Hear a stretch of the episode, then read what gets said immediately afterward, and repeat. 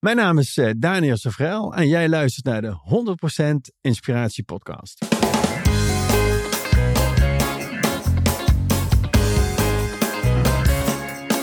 Hey, wat goed dat je luistert. Hij staat weer voor je klaar. Je wekelijkse dosis inspiratie is weer daar. De allerleukste gasten geven al hun kennis prijs. Met je veel te blije host, hij praat je bij. Zijn naam is Thijs.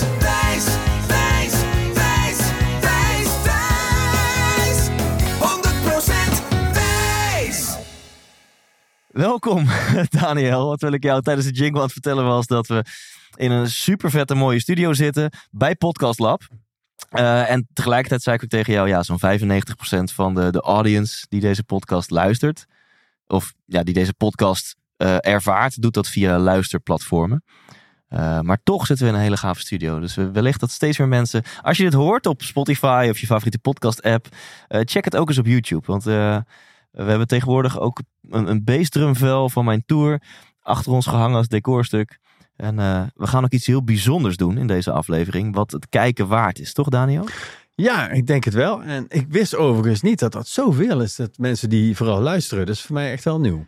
Ja, het is toch van origine een. eh, ja, het is van origine een podcast. Is natuurlijk een luistermedium. Tuurlijk, tuurlijk. En Ja, later zijn eh, podcasters begonnen om het ook in hoge kwaliteit te filmen en online te zetten. ja. Dus misschien zegt dat ook wat over mijn, mijn marketing. Als ik mijn branding meer richt op. Check het ook op YouTube, want ik zit in een vette studio. ja. Dan zie je wellicht de, de kijkcijfers ook wel omhoog Ja, schieten. Maar tot nu toe ja. kennen mensen deze podcast vooral van audio only. ja. Ehm, ja, mensen hebben jou al gehoord in de intro's, horen nu jouw zwoele stem, Daniel Zavrel. Tsjechische naam, zei je net? Klopt, het is van origine een eh, Tsjechische naam. Je spreekt het uit als Zavizrael. Dat is Oh. ook echt het enige. Tsjechische woord wat ik ken. Want Ja, ik ben ja, geboren en getogen in Nederland. En dat betekent niks meer of minder dan de deursluiter. De deursluiter. En, en, en kan jij ergens bij jezelf voelen dat dat eh, metaforisch of eh, spiritueel klopt bij jou zijn? Nou, ik heb wel als ambitie dat dit mijn laatste leven op deze planeet is. En dat ik dan de deur mag sluiten voor mijn levens op aarde. Dus dat is het eerste Oh, me opkomt. Ja, Als in, eh, als ziel eh, heb je meerdere levens gehad en dat dit jouw laatste leven is? dat is wel hoe ik, hoe ik er naar kijk. Hè. Dus dat, eh, voor iedereen is dat anders natuurlijk. Ja. Maar ik geloof wel inderdaad dat, dat ik als ziel, en daar zit ook wel wat herinnering op hoor, heel veel levens heb gehad. En ik ben ook wel bij meerdere spirituele leraren geweest. En er was er eentje, die heet eh Punjaji. Papaji heet hij. Dat is in India, Lucknow. Dus Ja. een keer een, een, een sabbatical gedaan van een half jaar. Maar ik allerlei eh, ashrams geweest in India. En deze man, die eh, vertelde, die kreeg op een gegeven moment toen hij zijn ultieme eh, enlightenment moment had gehad. Hè, net als de Boeddha. Ja? Toen zag hij al zijn levens. En, en letterlijk van dat hij een insect was, een steen, een, een dier, allemaal dierenlevens en mensenlevens. En zijn vorige leven was hij een, zei hij, een katholieke priester. En toen was hij verliefd op een vrouw. En hij woonde in Zwitserland als katholieke priester. Ja. Maar het was verboden om iets te hebben met die vrouw, want hij was priester. En dat laatste verlangen, vertelde hij dan hè, in, eh, in die ashram. Ehm, daarvoor moest hij dus nog één keer terugkomen. En in dat, in dat zijn laatste leven werd hij met de ziel van die vrouw, dus die had hij in een andere wereldvrouw ontmoet, zijn ze wel getrouwd. Wauw. Ja, en dat ze dus, ja, weet je, iedereen mag daar zijn eigen over denken. Maar, ehm, dus ik geloof daar wel in, ja. Dus dat, eh, dat, dat je als ziel kunt groeien. Hè? Vandaar dat we soms ook zeggen oude zielen, jonge zielen. Je hebt bijvoorbeeld, heb je ooit gehoord van het Michael-systeem? Het Michael-systeem. Het Michael-systeem. Nou, dat is een systeem waarbij ze, zeg maar, eh, ja, ook een soort van indeling hebben naar zielenleeftijd. Hè? Dus je hebt babyzielen in dat systeem, hè? En Hmm. die, worden, die worden veelal, zeggen ze, geboren rondom de evenaar. En die nog heel erg als issue hebben het pure fysieke overleven. Hmm. Hè, dus eh honger-issues, hoe vervelend ook, hè, om, om daar doorheen te gaan. Hè, een beetje ook het basale eerste chakra ontwikkelen.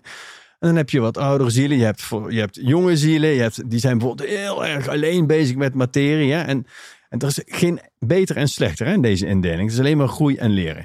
En dan heb je oude zielen. En wat mooi is, ze hebben ook landen ingedeeld. Nou, mag jij eens denken wat, voor, wat, in welke categorie Nederland zit? Eh, Nou, dat, dit wil ik checken en ik wil het ook nog even op me in laten werken. Want Ja. is dus de babyzielen. En je kan dus 80 zijn hè, in, in, in leeftijd in het leven, maar een babyziel zijn. Dat het Klopt. een van je eerste, zo niet je eerste leven Ja. is. En vanuit dit onderzoek of deze theorie leven die vooral rond de evenaar en ook gebieden waar, eh, waar er veel hongersnood is. Ja. En je hebt wat jongere zielen, die zijn vooral bezig met het materiële. Ja. De rode Ferrari, om eventjes Ja, die als symbool te nemen.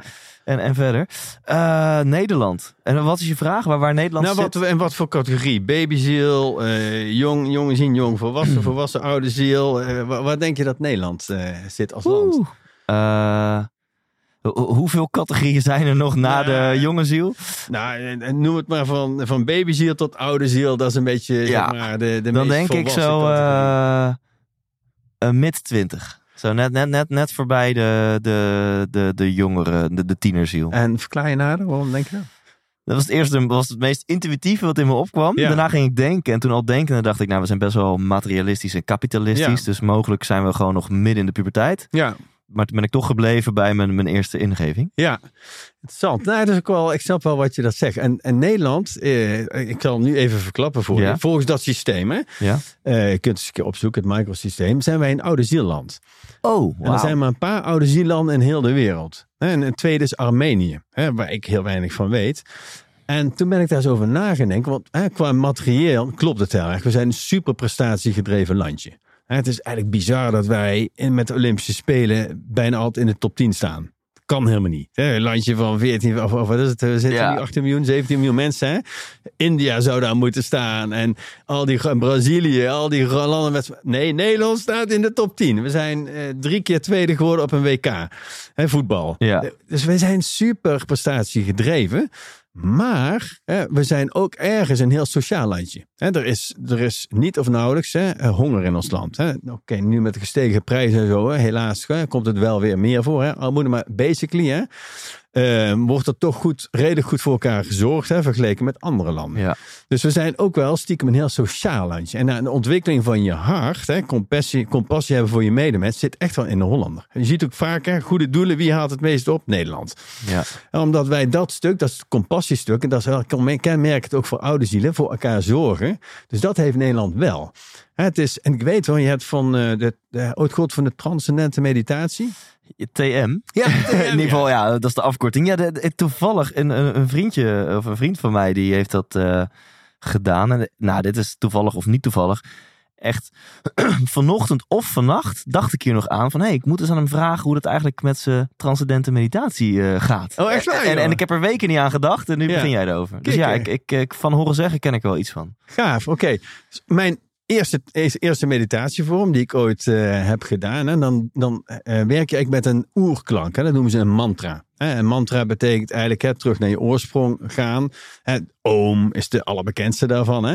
Maar waarom vertel ik het? De, de oprichter daarvan, dat was eh, de Maharishi Mahesh Yogi, zo heette die, ook een spirituele leraar. En van alle landen in de wereld is die gaan wonen in Nederland.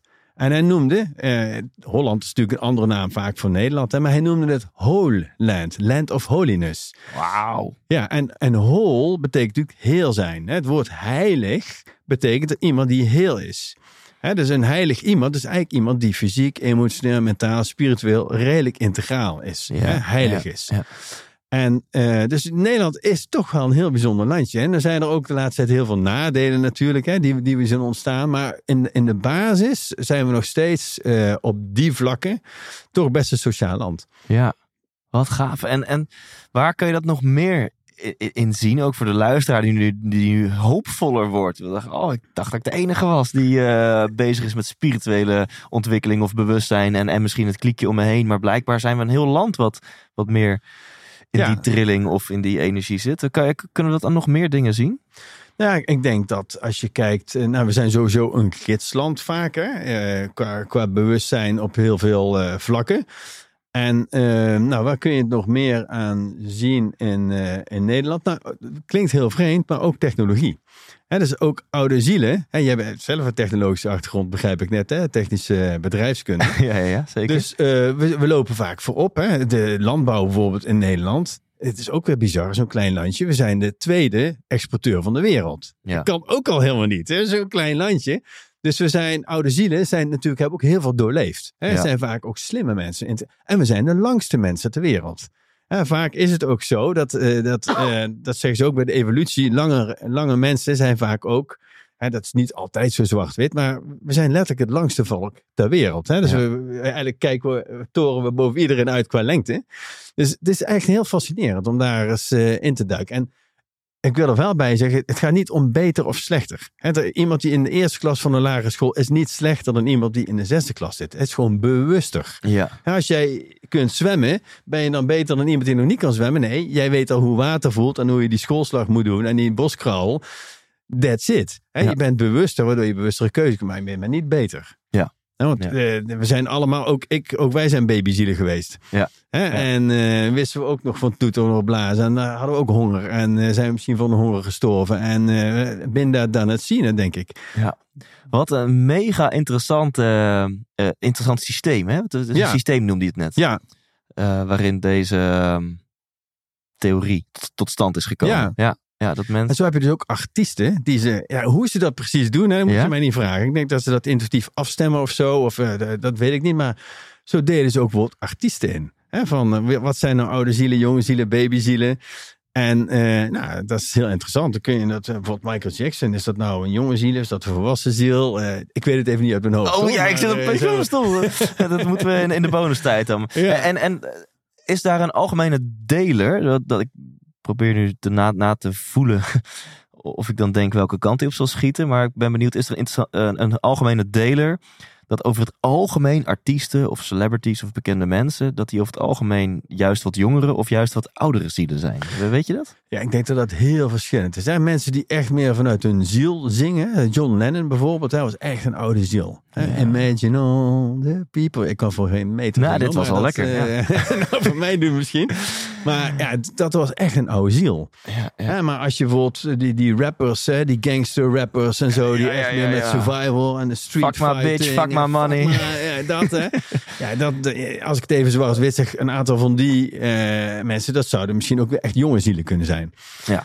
Hè, dus dat is, waar kun je het ook wel een beetje voelen? Ik zie bij jou ook dat je een oude ziel bent. Hè, anders hebben we ook niet meteen dit gesprek. Oh, ja. Hè, dat is een zielenconnectie, een herkenning, hè, waarbij je op die frequentie meteen kunt, eh, kunt opereren. Hè, dus dat, eh, en eh, ja, dus soms kun je het ook wel voelen. En dan kun je ook rapport maken met diegene die tegenover je zit. Van oké, nou, daar hebben we het wel over, daar hebben we het niet over. Ja. Misschien in jouw podcast. eh, Ja. ja. Wat gaaf. En eh, rapport maken is een, eh, een term voor verbinding maken. ja, eigenlijk verbinding maken. Hè? De- Ja. Op dezelfde frequentie komen, hè? heet dat ook Ja. wel. Ja. Nou, ik ben heel blij verrast met de eerste paar minuten van dit interview. Dat we deze kant op glijden. Ja, ik vind het ja. heel bijzonder. Een vraag die mij meteen te binnen schoot toen je het had over de deurensluiter, was het hè? Je, de, Deursluiter. deursluiter, ja, jouw- de betekenis van jouw achternaam. Wat maakt dat jouw, eh, ja, jouw doel of jouw, jouw missie is om dan eh, dat dit jouw laatste reis is hier op aarde? Ja, ehm, nou, het is ook wel heel grappig. Hè? Dat eh, andere mensen zullen zeggen, ja, allemaal vage toevalligheden. Maar ik ben bijvoorbeeld geboren in Weert. Nou, zij zeggen Weert. Nou, maar voor mij staat dat voor weer terug. Hè? Ik ben weer terug in Holland. Het land om heel te worden. Nou, daarna ben ik eh, in een kinderthuis eh, terechtgekomen toen ik drie was. Oh. En dat was in het dorpje Heel.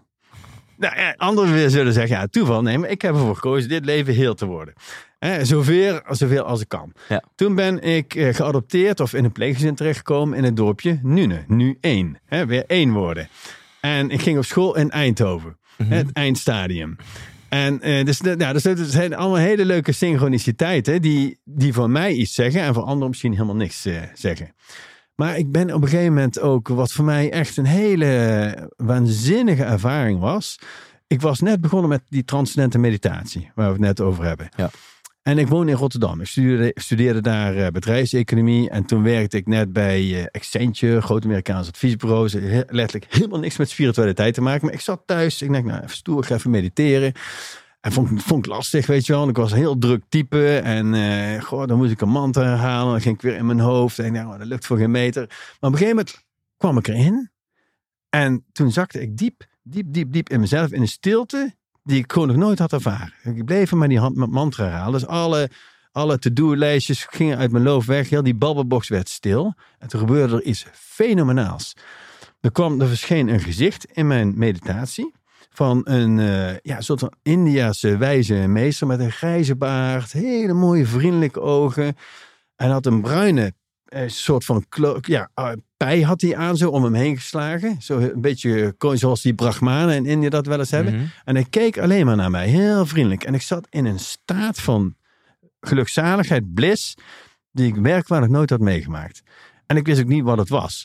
En ongeveer na een minuut hè, verdween dat beeld. En ik was helemaal flabbergast. Ik, ik wist ook niet wat me was overkomen.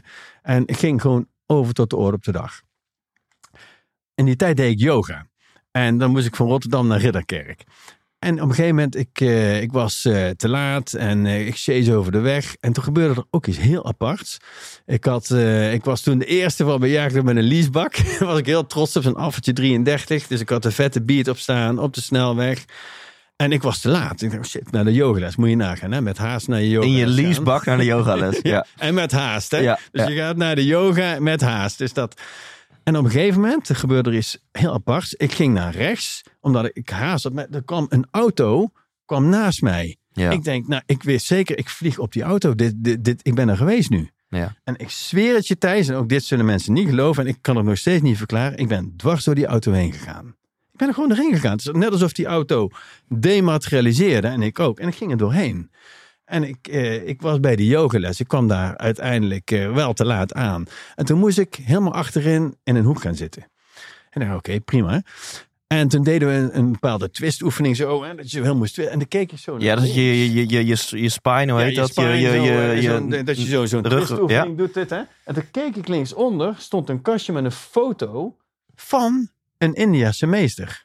En het was dus die Precies meester. dat beeld met die Ja, die dus in mijn meditatie was verschenen. Dus ik kreeg helemaal kippenvel.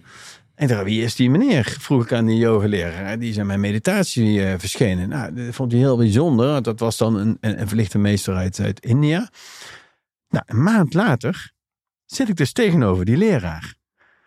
En ehm, heel apart. Want die eh, heb je opgezocht, of? nou, ik, ik hoorde dus van hem, die yogaleraar, dat hij naar Nederland zou komen. Oh ja. En ik dacht, nou, daar moet ik bij zijn. Want ja, het, verschijnt niet zomaar iemand elke dag in je, in je meditatie, zeg maar.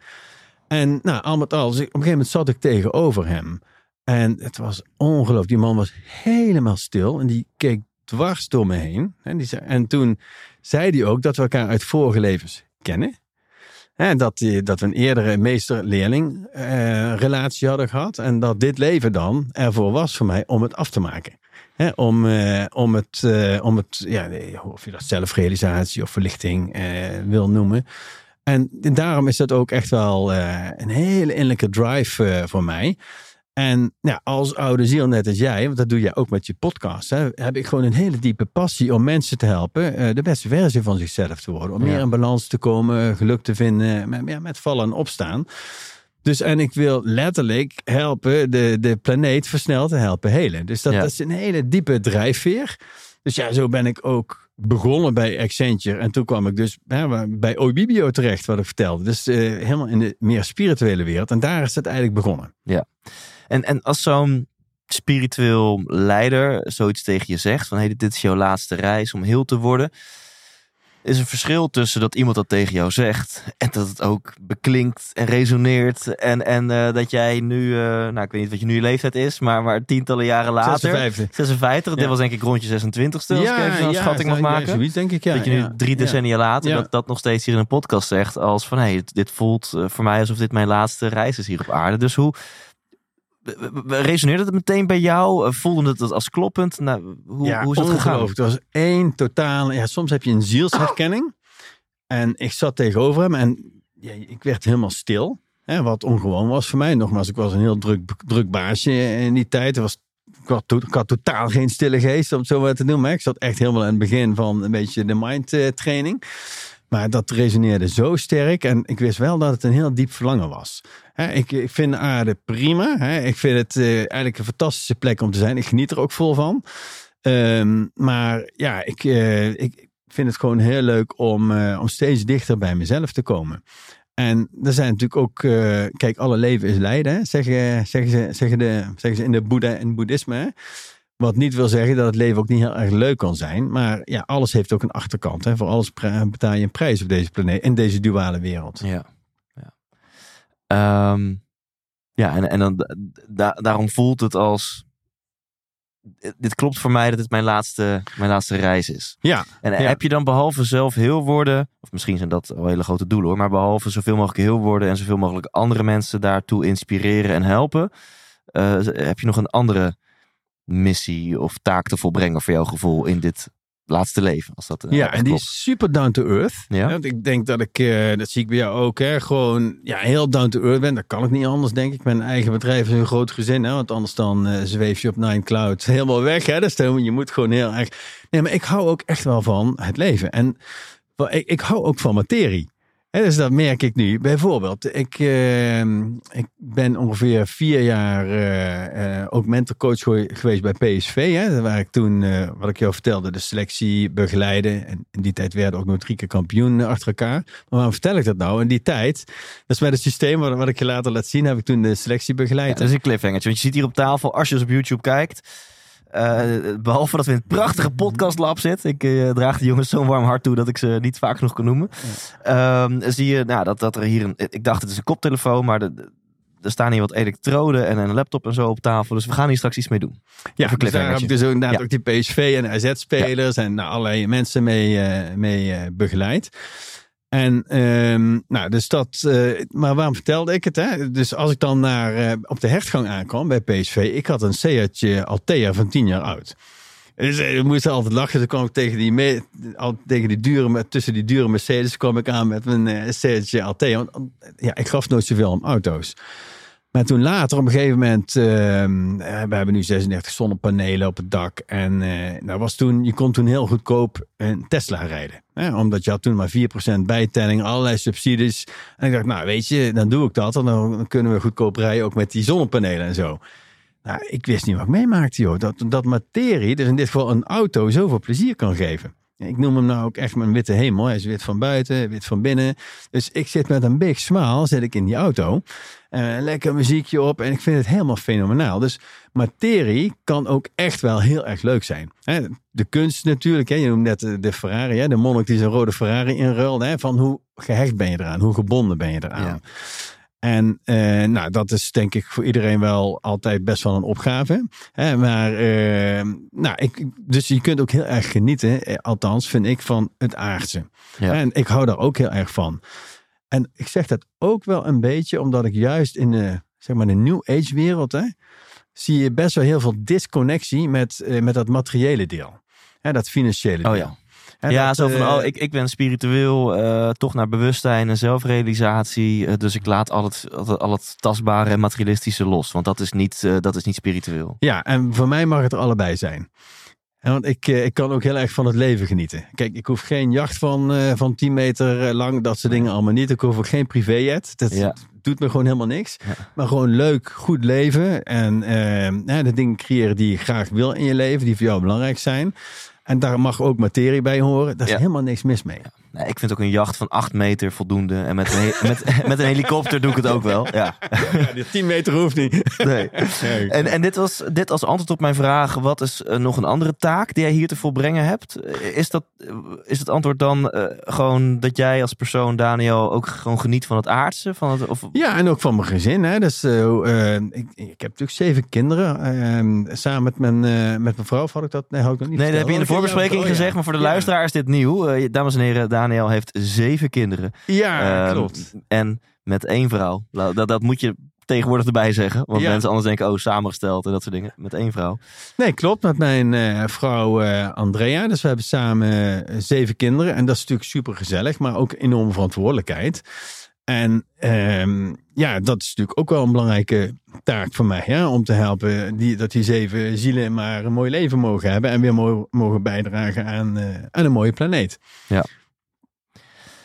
En ja, wat wou ik zeggen? Ik heb mezelf voorgenomen om, om, om meer in het moment te zijn in mijn podcast. Ja, En wat, wat ik, eh, en daar heb ik ook wel veel complimenten over gehad. En tegelijkertijd haalt me dat ook een beetje uit het moment. En daarom viel ik nu eventjes stil, maar ik, ik weet wat ik straks ga zeggen. Ehm, als een gast begint te praten en ik denk na drie zinnen, oh, dit is een haakje, hier wil ik op doorvragen. Daarna kan de gast misschien nog wel vijf minuten lang doorpraten. Dan luister ik nog wel, maar ik ben vooral met mijn aandacht bij dat haakje in die Ja, eerste tien dat is heel seconden. menselijk. ja. Terwijl, ja, als je het gewoon loslaat en je, je wacht gewoon tot er een natuurlijk moment komt waarin Mm. er eh, een pauze valt. eh, En dan ga je misschien terug naar die eerste 10 seconden. Maar misschien is er in die tussentijd iets magisch gebeurd en ga je gewoon door en Mm. blijf je het moment. Nou goed, dus dat, eh, dat even een meta-opmerking tussendoor. Ja. Dus nu viel ik even stil. Wat ik ehm, eh, bijzonder vind, toen je over die Tesla begon, is dat ik zoveel gelijkenissen ervaar tussen, Oh ja? tussen ons. En, Ja. eh, in, in de voorbespreking zei ik net al van hey, we komen allebei vanuit bedrijfskunde en business. En jij dan bij Accenture en ik bij Royal Haskoning DAV naar een wat spiritueler pad. Of we kunnen wel zeggen een veel spiritueler pad. Ja. Ehm, eh, nou, jij noemde net al, hey, jij bent ook een oude ziel. Dat, dat vind ik eh, bijzonder om te horen dat je dat zegt. Dus dat is dan ook een herkenningspunt. Eh, en, en ja, de, de meeste van mijn luisteraars die weten dit wel. Ik ben eh, eh, bijna, excuses, vergroeid met mijn rode Tesla. Oh, je hebt ook een Tesla? Ja, Oh, en als ik jou zo hoor met bijtelling Ja. en zo, dan heb je hem ook wel vrij vroeg gekocht. Ja, drie 2000. jaar geleden of zo. Volgens mij was dat drie jaar. 2009, Oh, oké. toen nog net die regeling gold. Ja, ja. Nou, dan, ik, ik heb hem in 2014 gekocht. Oh ja. Ja. Ja. En, en ook daarbij zei iedereen tegen mij, want dat is wat iedereen zegt. En we praten elkaar allemaal na. Mhm. Eh, wat zeggen de meeste mensen als je zoiets koopt? Ja, drie maanden geniet je daarvan en daarna vind je het normaal. Dat Ja. soort van hebben we dat geadopteerd. Ja. Van dat, dat, dat is wijs om op Ja. een verjaardag of op een feestje, op zo'n zondagmiddag kringgesprek. En dan begint iemand over een auto en dan ben je wijs als je die opmerking maakt. Ja. Ja, eh, mooi, schattig, wellicht waar voor anderen. Hm. En voor andere Mhm. aankopen van andere mensen. Voor mij totaal niet waar. Nee. Ik heb hem nu negen jaar. Ja. En, en nou, nu pas begint het punt te komen dat je zou kunnen zeggen dat ik het dan for granted neem of Ja. voor lief neem. Dat, Ja. en, en dat heeft ook te maken met dat ik heb wat deukjes en ik wil maar even poetsen en zo. Ja. ja. Ik heb echt letterlijk acht en een half jaar lang, elke keer als ik hem parkeer en ik loop weg, dat ik nog even achter me omkijk en glimlach op mijn gezicht. Elke keer als ik weer terug naar die auto loop, glimlach op mijn gezicht. Heel herkenbaar. En dat is niet alleen het Bokito ego, dat, is, dat zit veel meer diepgang ook daarin. Ja. Echt letterlijk acht en een half jaar lang, geen uitzondering, altijd dat fijne gevoel erbij. Ja. En dat herken jij dus ook. Heel herkenbaar. En wat, wat mij ook een heel fijn gevoel geeft. En dat is natuurlijk eh, eh, ja, totaal niet eh wef of zo bedoeld. Want daar heb ik juist een eh, World Economic Forum. Hè, dat eh, 2030 heb ik juist een broertje dood aan. Maar wat ik wel heel gaaf vind, als de zon schijnt. En ik, ik plug gewoon eh, eh, zeg maar mijn adapter in die auto. Dus dat je, dat, dat je gewoon letterlijk ziet, als het ware, dat je via zonnepanelen de zon je auto oplaadt. Ja. Vind ik zo'n gaaf gevoel, hè? Ja. Dat je Ja. denkt van wauw, weet je, en energie zou gratis moeten zijn. Hè? Nou is dit niet gratis, want die zonnepanelen kosten geld. Maar Nikola Tesla had natuurlijk nulpunts energie. Hè? Ja. Die, die, dat, was, dat is natuurlijk gratis energie die uiteindelijk hè, eh, is gedestroyed. En, en al die patenten door, eh, door een aantal elite eh, biljonairs in die tijd. Dat natuurlijk een bedreiging was voor hun olie. Ja. Maar dat zou eigenlijk, eigenlijk zou energie vrij moeten zijn. Want alles is energie en totale overvloed. Hoezo moeten we daar überhaupt voor betalen? Ja. Hè, dus dat eh, dus er zijn technologieën. En ik denk dat ze uiteindelijk ook wel weer gaan komen hoor. Dus dat het Ja. niet meer te onderdrukken valt uiteindelijk. Hè, waarbij die Tesla-energie, vrije energie, weer beschikbaar wordt. Ik te denken, als jij je eh, zonnepanelen op je dak hebt liggen en je laat je auto op op dat moment en de zon schijnt, is het dan ook letterlijk fysiek de stroom hè? De- Mhm. vanuit die zonnepanelen die jouw auto ingaat? Of gaat die stroom van je zonnepanelen naar het net en jouw auto wordt ook weer vanaf het net opgeladen? Ja, Want ik, het, het- het- ik zit te denken van het is al prachtig en het zou natuurlijk nog prachtiger zijn als, als, als je ook echt, alles is energie. ja, Letterlijk en figuurlijk in Ja. dit voorbeeld. Dat je zegt, ja, het, is- ook letterlijk de energie vanuit de zon via mijn panelen in mijn auto. Dus als ik op de ja, A2 ja. rijd, dan rij ik echt op, op wat toen de zon in mijn auto heeft gestraald. ja, ja, geen flauw idee hoe dat precies werkt. Het is eh, ja, ik, het, idee hè, dat, het, dat het ergens in ieder geval die zonnepanelen dan die energie genereren. En of dat nou direct of indirect is, is wel, wel wel een goede vraag. Maar gewoon, dat geeft mij wel een goed gevoel. Het is in elk geval leuk. het idee en dat, dat, Ja. die voel ik helemaal. Dat is prachtig. En zeker als je dan aan de pomp staat en je denkt, nou, benzine kost X of Y tegenwoordig. Eh, Ja. Echt bizar. En jij hebt jouw, eh, jouw mooie Tesla eh, samengesteld en je wilde witte bekleding en een witte buitenkant. Ja, ja, ja, ja. ja ik, ik, ik zeg, ik noem het mijn witte hemel. Dus Ja. dat, dat was ook de visie daarachter toen? Ja, ja. Ehm, we gaan zo meteen dit apparaat aansluiten, maar niet voordat we hem uitgebreid hebben geïntroduceerd. Want ik, ik, er zit al heel veel in, in, in dit gesprek, vind Ja. ik. En je hebt het genoemd over eh, hoe kan jij zelf heel worden, want het voelt als jouw laatste, als jouw laatste reis. En je hebt het gehad over jouw missie om ook zoveel mogelijk mensen te inspireren en te helpen om meer heel te worden of meer in balans te leven. Ja. Eh, en je hebt het gehad over, nou, voor mij gevoel is ook een taak hier op aarde om gewoon op aarde te zijn. Ik heb zeven kids en gewoon te genieten Ja. van, van mijn Tesla en het materiële, ook gewoon het, het, het aardse. Het leven hoeft niet alleen maar lijden te zijn, Nee, toch? gelukkig niet. Laat ik dan nog één vraag stellen over dat eerste, voordat ik een brugje ga leggen naar iets, iets, iets anders. Stel dat het, dat het klopt en dat dit jouw laatste reis hier op aarde is. Mhm. Heb je er ook een gevoel bij wat er dan met jouw ziel hierna gebeurt? Blijft hij eh, lekker chillen eh, in, in, in de wolk, liefde en licht met alle andere zielen die even niet op aarde zijn? Of heb, heb je daar zelf een gevoel of een beeld bij? Eh, ja, ehm, nou, ik ga er zelf van uit hè, dat we lichaam, geest en ziel zijn, hè, waar, waar we al mee begonnen. Dus ik denk dat het zielgedeel wel doorreist. Hè.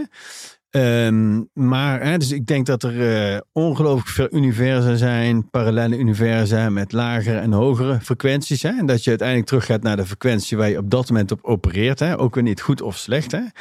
Ik heb wel een keer in een, eh, in een, eh, in, in een retreat meegemaakt dat ik terugging naar waar ik vandaan kwam. En dat was een, althans zoals ik het toen voelde, waanzinnig vet. Er was een beeld dat wij met ongeveer, ja, ongeveer tien mensen zaten we in een soort van, ja, ik zat in een soort van eh, meditatiehouding. En er was één grote golfzee van pure liefde en bliss. En je kon elkaar alleen maar aankijken en het enige wat je kon doen was smilen van de overvloedigheid van liefde en, en bewustzijn die daar was. En Ja. het was gewoon net alsof je tien ecstasy-pillen op had. Vol continu, Ja. maar dan zonder ecstasy. Ja. En die, die staat. En nou, en ik, dat is. eh, ik denk dat ik daar eh, in ieder geval weer tijdelijk naar terug ga. Maar ik geloof ook in eeuwige groei. Dus dat is een beetje eh, dubbel. Dus ik denk wel dat, of hoop, hè, zie dat misschien dit het laatste reis op deze planeet is. Maar ik geloof dat er veel meer planeten zijn waar je ervaring kunt opdoen.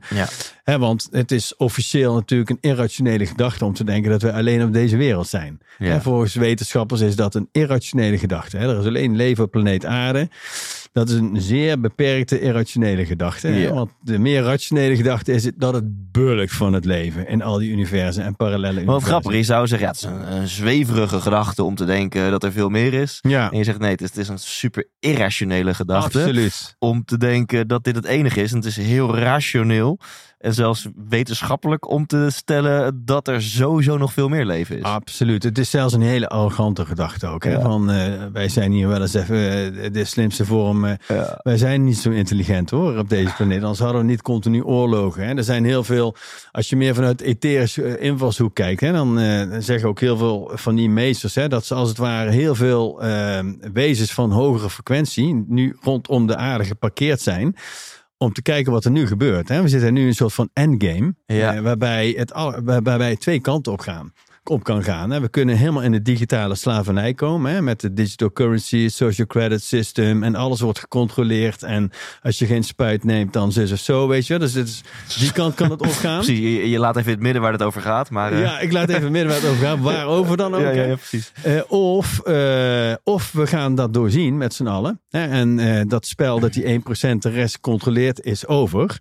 En we gaan zorgen hè, dat, we, eh, dat we met z'n allen naar een mooie frequentie gaan. Hè, bijvoorbeeld in mijn bedrijf is er ook geen baas. Hè, de missie is de baas. Nou, zo zou het ook op onze planeet eh, moeten zijn. Waar hebben wij Mark Rutte in godsnaam voor nodig? Hè, of, of een premier. Hè, die, eh, of, eh, of een paar elite gastjes. Hè. We weten zelf verdomd goed hè, wat goed is. En we kunnen die overvloed eh, creëren. Ja. Dus dat is heel spannend. Hè. Gaan we het heft in eigen handen nemen? Gaan we die machtsstructuren doorzien en doorbreken? Ja. Dan gaan we daar een andere structuur tegenover zetten, waardoor de planeet op een hogere frequentie kan komen. Nou, en dat is heel spannend. Hè? Dat noemen ze eigenlijk in alle religies noemen ze dit de endtime. Dus ze zeggen dat heel veel zielen nu, ook daarom in Nederland, geïncarneerd zijn om deze show mee te maken. ook om deze show te beïnvloeden. Daar ben jij er zeker één van. Ja.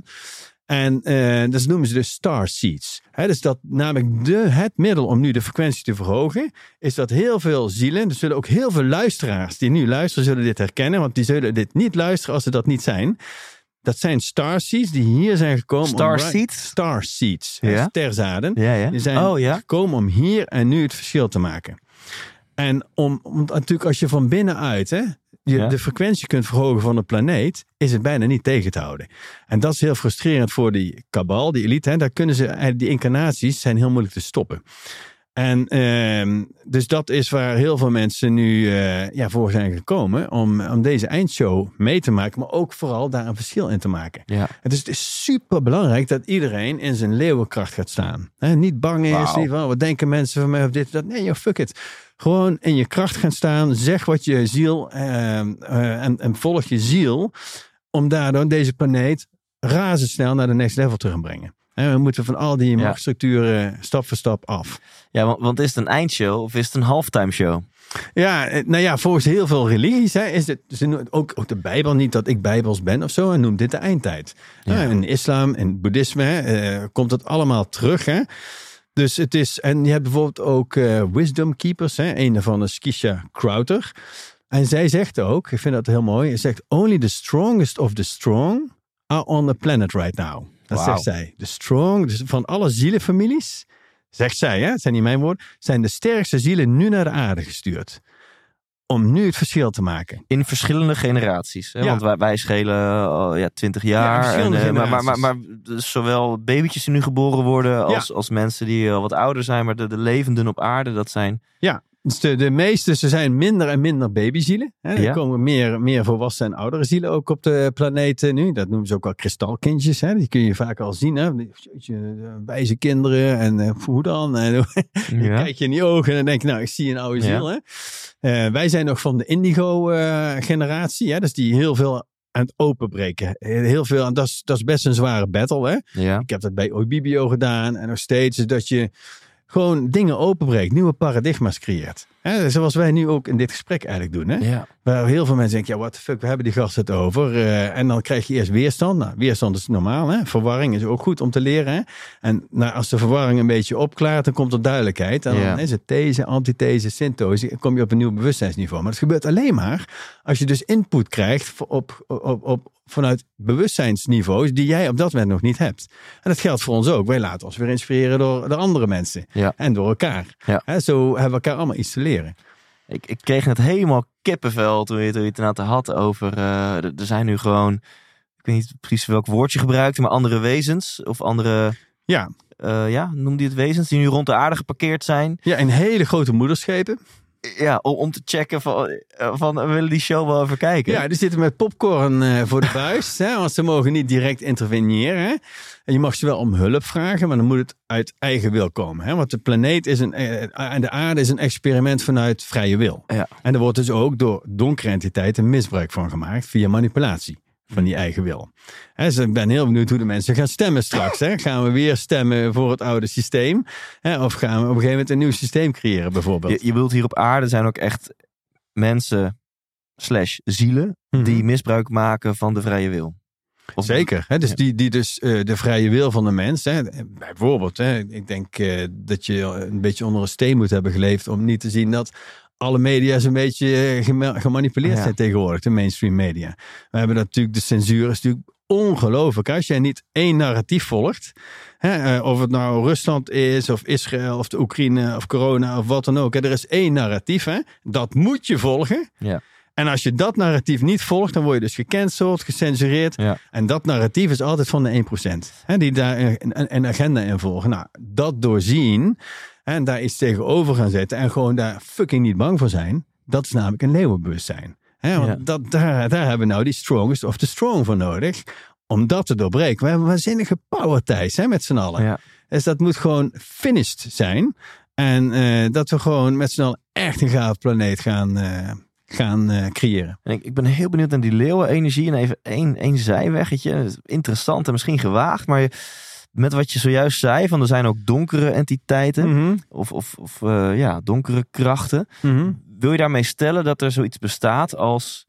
Dat is dan weer heel erg een oordeel, maar tussen aanhalingstekens slechte zielen of donkere zielen. Ja, Dus dat die ook zielen zijn nu in het lichaam van een mens hier Ja. op aarde.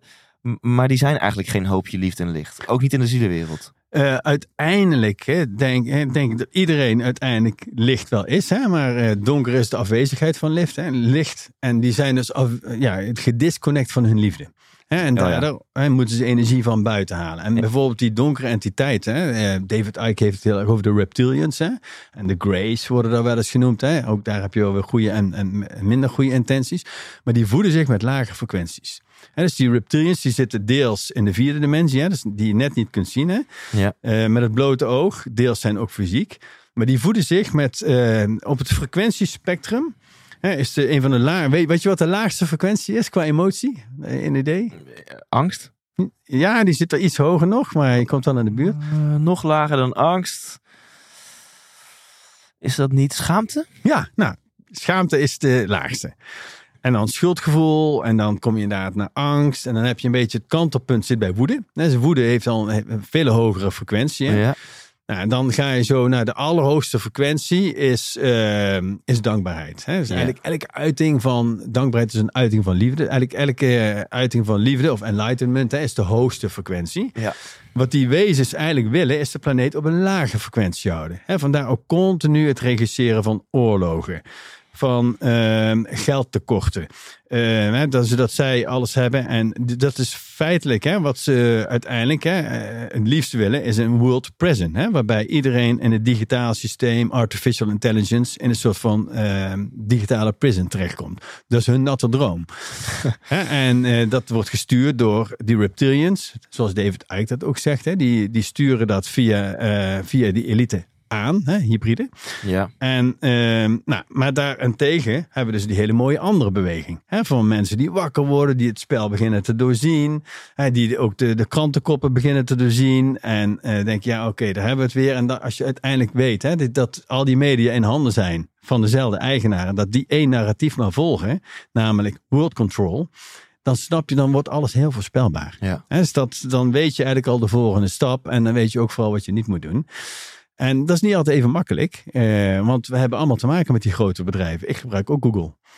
Ja. Hè, en eh, terwijl die Google, dezelfde Google, die censureert mensen die wakker zijn eh, bij bepaalde tijden of bij, met bepaalde meningen worden weggecensureerd. YouTube, precies hetzelfde. Fantastisch medium. Hè? Daar kun je ook hele goede dingen mee doen. Maar ja, ze hebben ook heel veel eh, ge- gecensureerd. Hè? Dus dat, ehm, we hebben er allemaal mee te maken. Dus ik zeg ook niet dat het makkelijk is om daar goed je weg in te vinden. Ja. Ik denk dat de beste manier is zoals jij bijvoorbeeld doet. Zo'n podcast Ja. runnen. Waarbij je gewoon bewustzijn creëert. Dan ga je iets anders doen. Je gaat, Ja. Ik denk dat dat eigenlijk het, middel, het beste middel is. Hè, gewoon iets anders doen. Zoals ik met deze gezondheidscan dan, dan wil doen. Ja. Eh, en je gaat er iets tegenover zetten. En eh, als meer mensen dat gaan doen, dan, dan crumbelt het oude systeem als een piramide zo. De onderste laag smelt. En dan smelt die van de onderkant zo Ja. weg. En hoe haal jij hier voor jezelf inspiratie uit? En wat ik met die vraag bedoel, is dat je krijgt al gauw een dualiteit van, van de mensen die, die eh, eh, voelen en geloven in wat jij zojuist hebt Mhm. gedeeld. Mhm.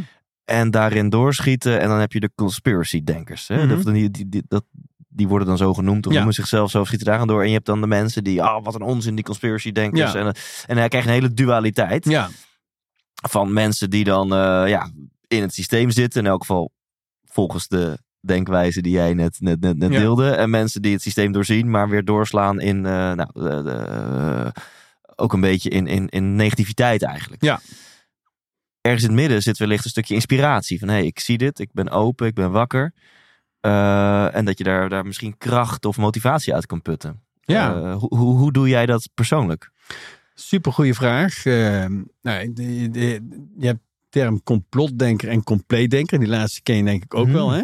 Dus ik geloof veel meer in compleetdenkers. Ja. Hè, ze- compleetdenkers zijn vaak complotdenkers omdat ze het letterlijk doorzien. Omdat ze compleet denken en alle bronnen lezen. Dus Ja. Ze kijken niet alleen het NOS-journaal of, eh, of het AD of het NRC. Nee, ze kijken ook allerlei andere media. En dan met een kritische geest ben ik ook. Ik ben super kritisch. Hè?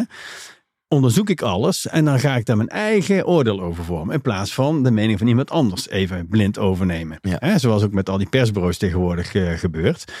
Ehm, nou, dan kunnen er een paar dingen gebeuren. In het begin, als je die agenda gaat zien, hè, van, eh, van zeg maar de kabal of eh, hoe, hoe je ze ook wil noemen, dan kun je daar best wel even wakker van liggen. Heb ik in het begin ook echt wel gehad. Hè? En van, jeetje man, en dat, dat ze dat al eeuwen doen en zo hebben opgebouwd. Die gaan nu ook naar een eindspel toe. Hè? dat is ook best wel indrukwekkend. Hè? Dat ze eh, via die media alles controleren feitelijk. Hè?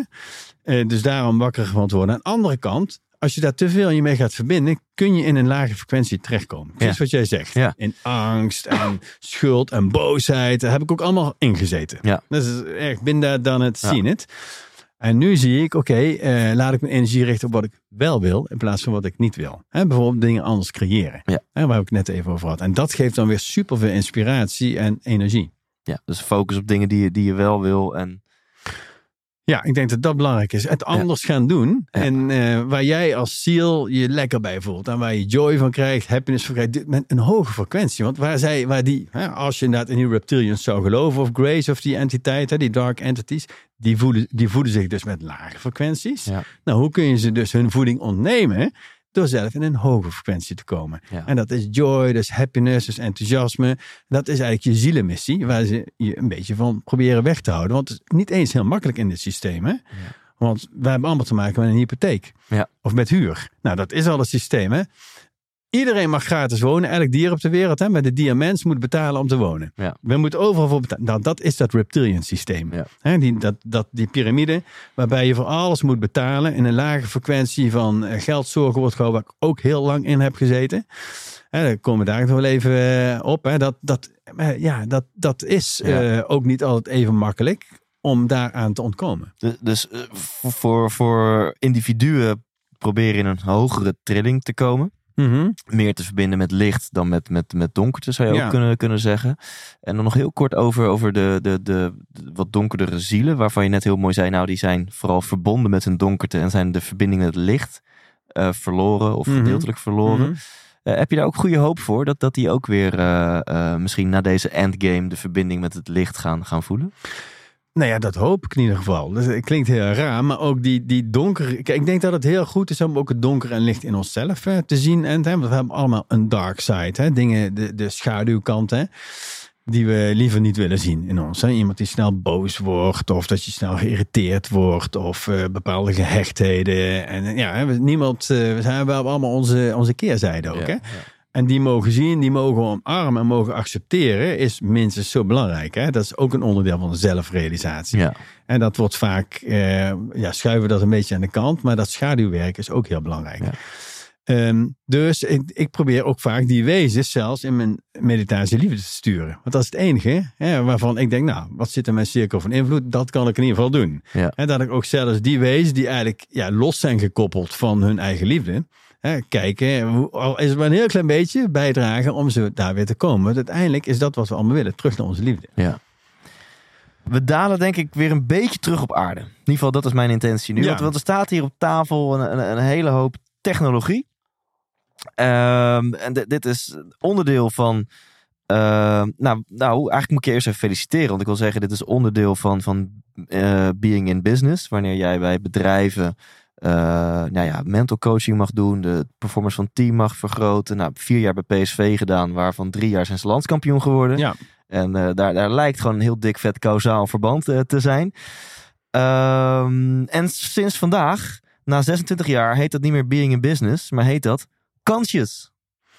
Toch? Ja, nee, dat is inderdaad ontzettend... Je, je eh, kijkt me aan van ja. Thijs, waar heb je het over? Ja, nee, Maar, dat is inderdaad toch? een hele aparte, eh, ook weer synchroniciteit, hè, dat ik hier vandaag zit. Hè, en dat eigenlijk eh, dat geboren wordt. Hè, dat, dat, dat kontjes, wat gewoon het Engelse woord voor bewust is. Hè, en dan met Mhm. een Z alleen in plaats van een S, om het een beetje playful te maken, net als happiness. Ja. En omdat conscious.nl met de S waarschijnlijk niet meer beschikbaar was, maar conscious met de. Z.nl wel. Ja, precies. Ja. Dus dan eh, even die, die. En ja, kijk, ik, ik denk eh, dat het gewoon heel erg belangrijk is om bewuste keuzes te maken in het leven. Hè?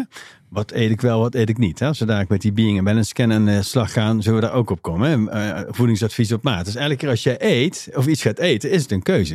En als je dat vanuit meer bewustzijn doet, van hé, hey, dat eet ik wel, dat eet ik niet. Hè? Daar komen we straks nog wel even over. Voeding is waanzinnig. Hè? Op welk bewustzijnsniveau wil je eten? Daar kunnen we ook nog eh, wel even over hebben. Maar ook eh, wat, eh, en wat voor auto stap je inderdaad? Eh, wat, eh, hoe zit je in je beweging? Hoe zit je in je ontspanning, in je slaap? Je gedachten, je emoties. Als je daar meer bewustzijn in kunt maken, kun je ook bewustere keuzes maken. En daarmee ook gewenste resultaten behalen. Ja. Dus vandaar dat woord eh conscious. En gewoon stap voor stap met vallen en opstaan bewuster leren leven. Ja. En dat vond ik leuk hè, na, na 26 jaar om dat eh, om ook weer meer voor de particuliere markt te doen. Ja, Club Conscious bijvoorbeeld, eh, waarbij je gezond uitgaat, waarbij je dansen en leren gaat combineren met allemaal gave power smoothies. Nou, dat lijkt me superleuk. Zo'n Design Your Dream Life retreat, retreat hè, op Ibiza, daar gaan we het straks nog wel even over hebben. Ja. Om gewoon meer vanuit dat, dat stuk. En waar we het hier over hebben, hè, dat, dat heet dan Being in Balance, hè, in balans komen. Dat is deze Ja. methode. ja. En dat doen we met, eh, met een hele eh, geavanceerde body-mind scan. En dat, eh, dat kan ik je zo dan even laten Ja. zien. Maar in elk geval even cheers. Gefeliciteerd eh, met je nieuwe naam. Nou, Kansjes. dankjewel. Ja. En de, de dubbele getallen vandaag. Niet geheel eh, toevallig, denk ik. Nee, dat, dat is een bewust gekozen datum vandaag. Hè. Dat, dat, mooi is dat dat samen viel, want jij kon vandaag. Hè, dus dat was Ja. opnamedag. Dus inderdaad 2211 zijn twee meestergetallen. Hè. Ja. 22 vanuit de numerologie. 22 is een meestergetal, 11 is een meestergetal. En dan 22. 23 vond ik leuk. Dus ik, nou, dat is een mooie. Dus ik heb dat wel heel bewust vandaag. eh, dat naar Ja. de notaris en de naamswijziging naar Conscious. Dus dat eh, wordt inderdaad geboren vandaag Ja. op deze mooie trillingsfrequentie. Nou, dat merk ik ook weer in ons gesprek. Ja, toch? Ja. ik heb er heel veel. eh, nou, ik, ik heb met Menno Braakman. eh, check ook zeker die aflevering als je nu luistert Ja, of kijkt. ja. Hele interessante eh, aflevering. Onder andere over numerologie. En hij heeft mij een aantal Oh, keer doorgerekend vanuit mijn geboortedatum. En, en, en nou, echt eh, met open mond eh, heb ik daarnaar staan en zitten luisteren. Eh, en het getal 22 is een heel bijzonder getal in mijn leven. Dus mijn vader, Waarom? eh, meerdere redenen. Mijn vader is. ja, ik kan gewoon delen. Mijn vaders verjaardag is 22 december. Eh, mijn moeder, die, eh, die is overleden. Eh, haar verjaardag is 22 maart.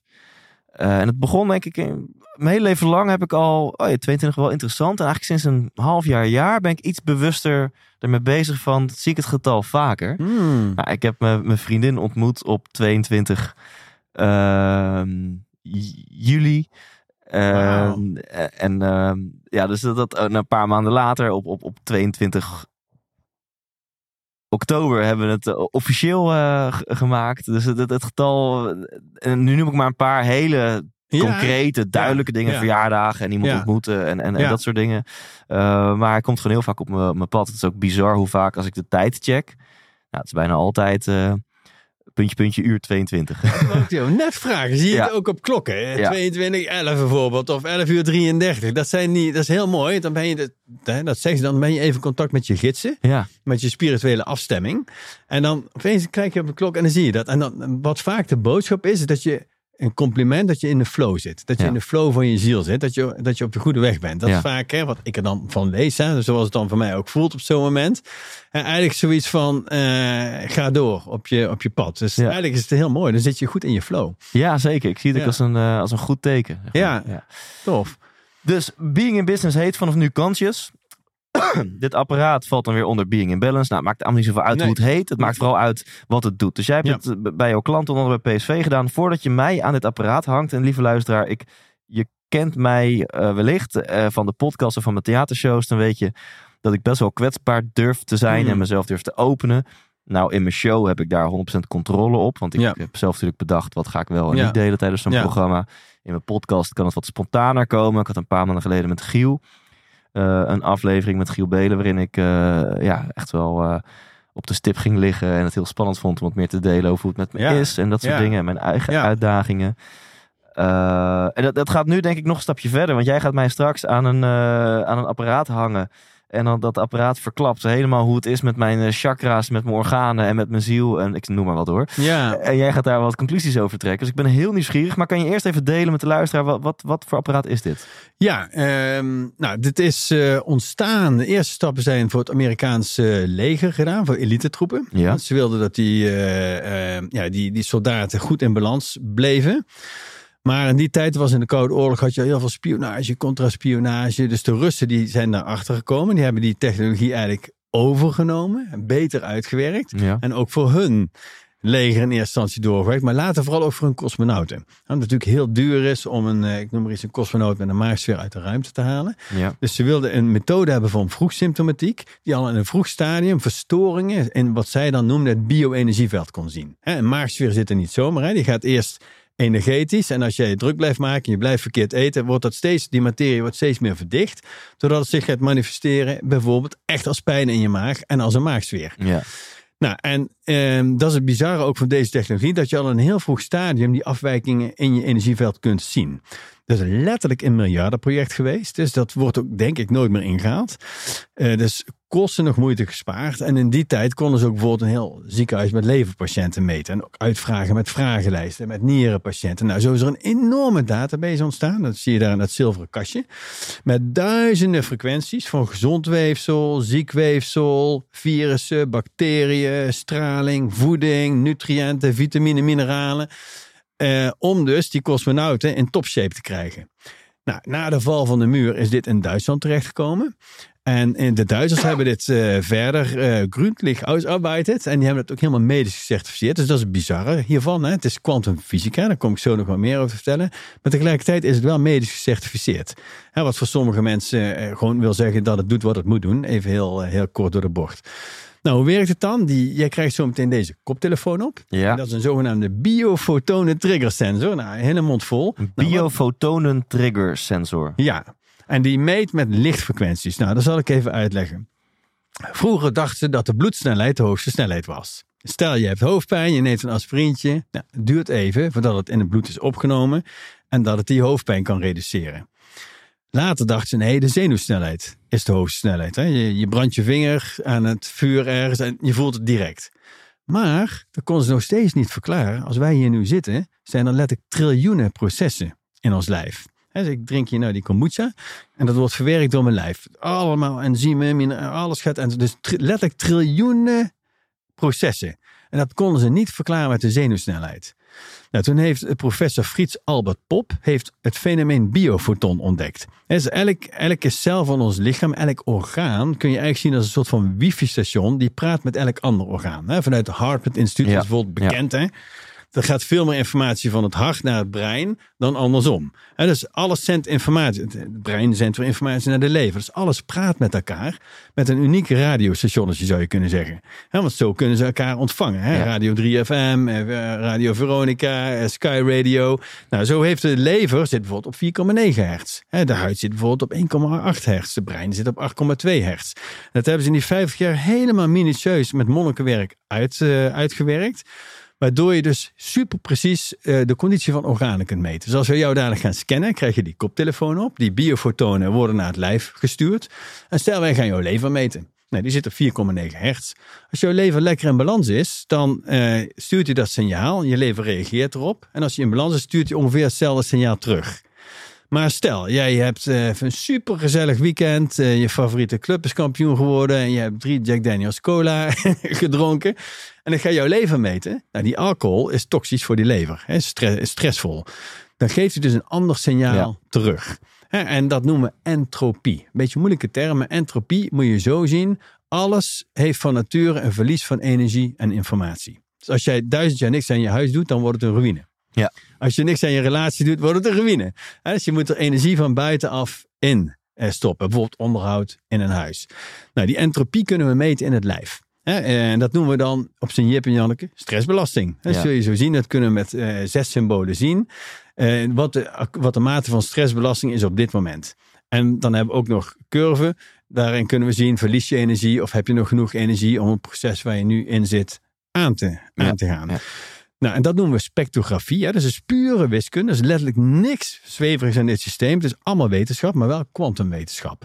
Dus eh, we vergelijken jouw gemeten lever met de frequentie in de database. Dat heet spectrografie. En zo kun je met een wiskundige berekening zeggen... hey, met een hele hoge waarschijnlijkheid kun je niet tegen witte kool. Ik noem maar iets. Hè? Of heb je nu last van een influenza-virus in je longen? Ja. Eh, enzovoort. En dat, eh, dat is het mooie van deze technologie. En omdat die zo snel hè, zeg maar naar de kern van de zaak gaat. En ehm, ja, dat, we willen hier gewoon ontzettend veel mensen mee gaan eh, helpen. Ja. Eh, uiteindelijk willen we in, eh, over tien jaar in tien landen zelfs 10.000 coaches opleiden. Om de wereld versneld te helpen helen. Ooit gehoord van het Maharishi-effect? Nee. Dat is van diezelfde Maharishi Mahesh Yogi. Er was op een gegeven moment in Washington waar eh, ehm, was een hele hoge criminaliteit. En toen heeft die Maharishi Mahesh Yogi van de Transcendente Meditatie heeft gezegd van als wij daar nu drie maanden met onze topyogis gaan zitten, 500 in een grote sporthal. En dat noemden ze daar dan het yogisch vliegen, hoppen. Dat ziet er heel raar uit. Hè? Die yogis zitten dan in een lotushouding en die komen dan in zo'n staat van gelukzaligheid dat ze bijna kunnen vliegen. Dat noemen ze hoppen. En die kunnen zo twee, drie meter in die lotushouding springen dan. Dat geeft een enorm krachtig coherent veld. En de hypothese was dan, daarmee kunnen wij de criminaliteit verlagen in Washington. Nou, natuurlijk allemaal hoongelachen. hè, Dat zal ook allemaal niet en dit en dat. Maar goed, hij betaalde zelf de hal. Het werd onafhankelijk gemeten door een statistisch bureau. Dus ja, baat het niet, schaadt het niet. Dus de regering van Washington heeft daarmee ingestemd.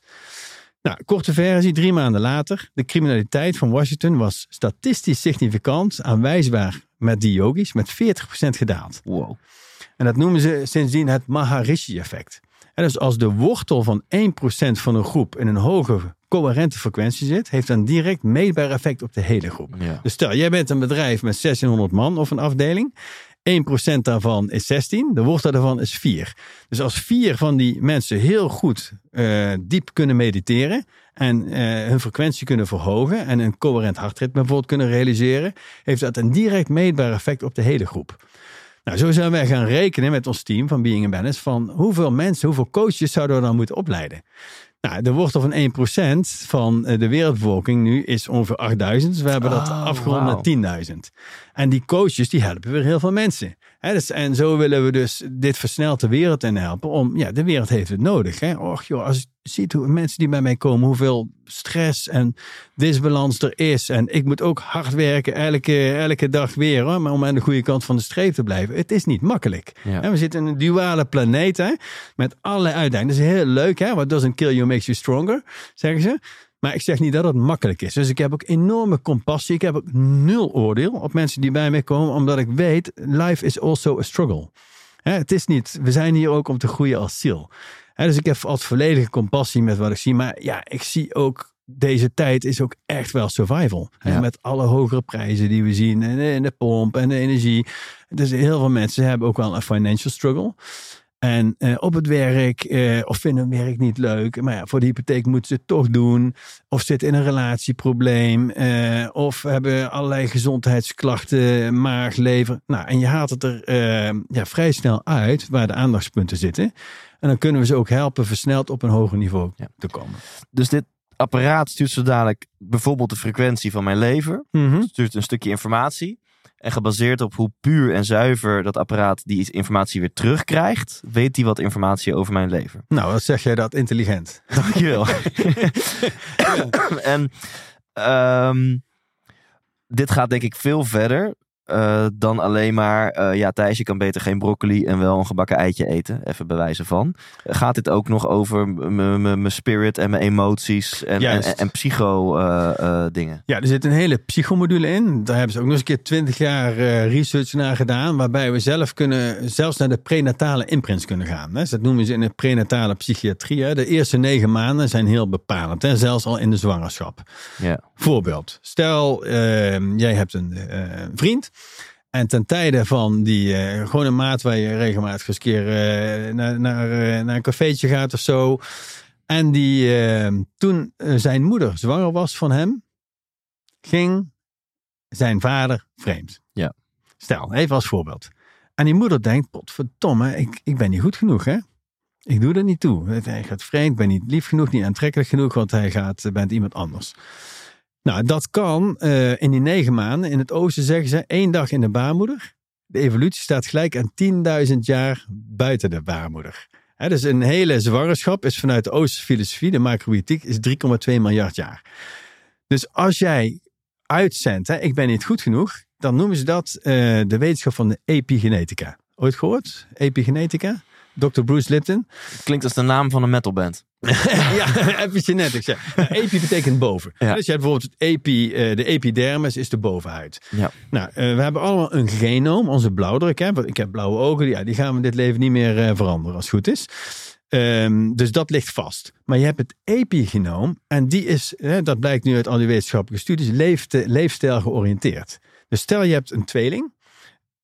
Gen, eh, genetisch precies hetzelfde hè, qua genoom. Maar de ene eet elke dag chips met cola voor de televisie. Een andere eh, paprika met d'orange, ik noem maar iets. Hè? Ja. Dan gaat dat invloed hebben stap voor stap op het genoom. Dus de genexpressie. Ja. En zo kun je dus, en dat hebben ze helemaal gevolgd, de wetenschappelijke studies. Hè. Uiteindelijk kan de een helaas misschien overlijden aan kanker. Hè, eh, tien jaar eerder dan de andere helft van de tweeling. Ik Ja. noem maar iets. Hè. Nou, dat, zijn, dus, dat is ook ergens heel mooi. Dat betekent dat je stap voor stap dirigentschap kunt nemen over je leven. Ja, dus je, je genen kunnen zich aanpassen door jouw stijl, levensstijl. Ja, dat is dus die ep- eh, epigenetica. Ja.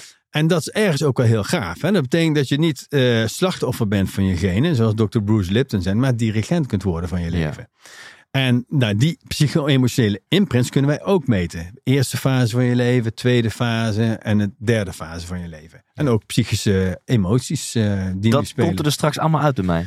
Ja, dus daar, daar kunnen we zeker naar kijken. Ja. we hebben natuurlijk wat kortere tijd. Ja. Dus meestal eh, doen we dat een uur lang. Dat noemen we dan een quizscan of een heel traject. Een, een being and balance vitaliteitstraject is bijvoorbeeld vijf keer een uur of zelfs vijf keer twee uur. Waarbij je helemaal de diepte ingaat. Ja. Maar voor nu gaan we gewoon even zeker wel naar een paar dingetjes kijken. even de krenten uit de pap vissen van wat, wat mijn, eh, mijn organen en, en wellicht mijn epigenetica of, of mijn, wat de scan zegt over mijn postnatale periode, dat soort dingen. Ja.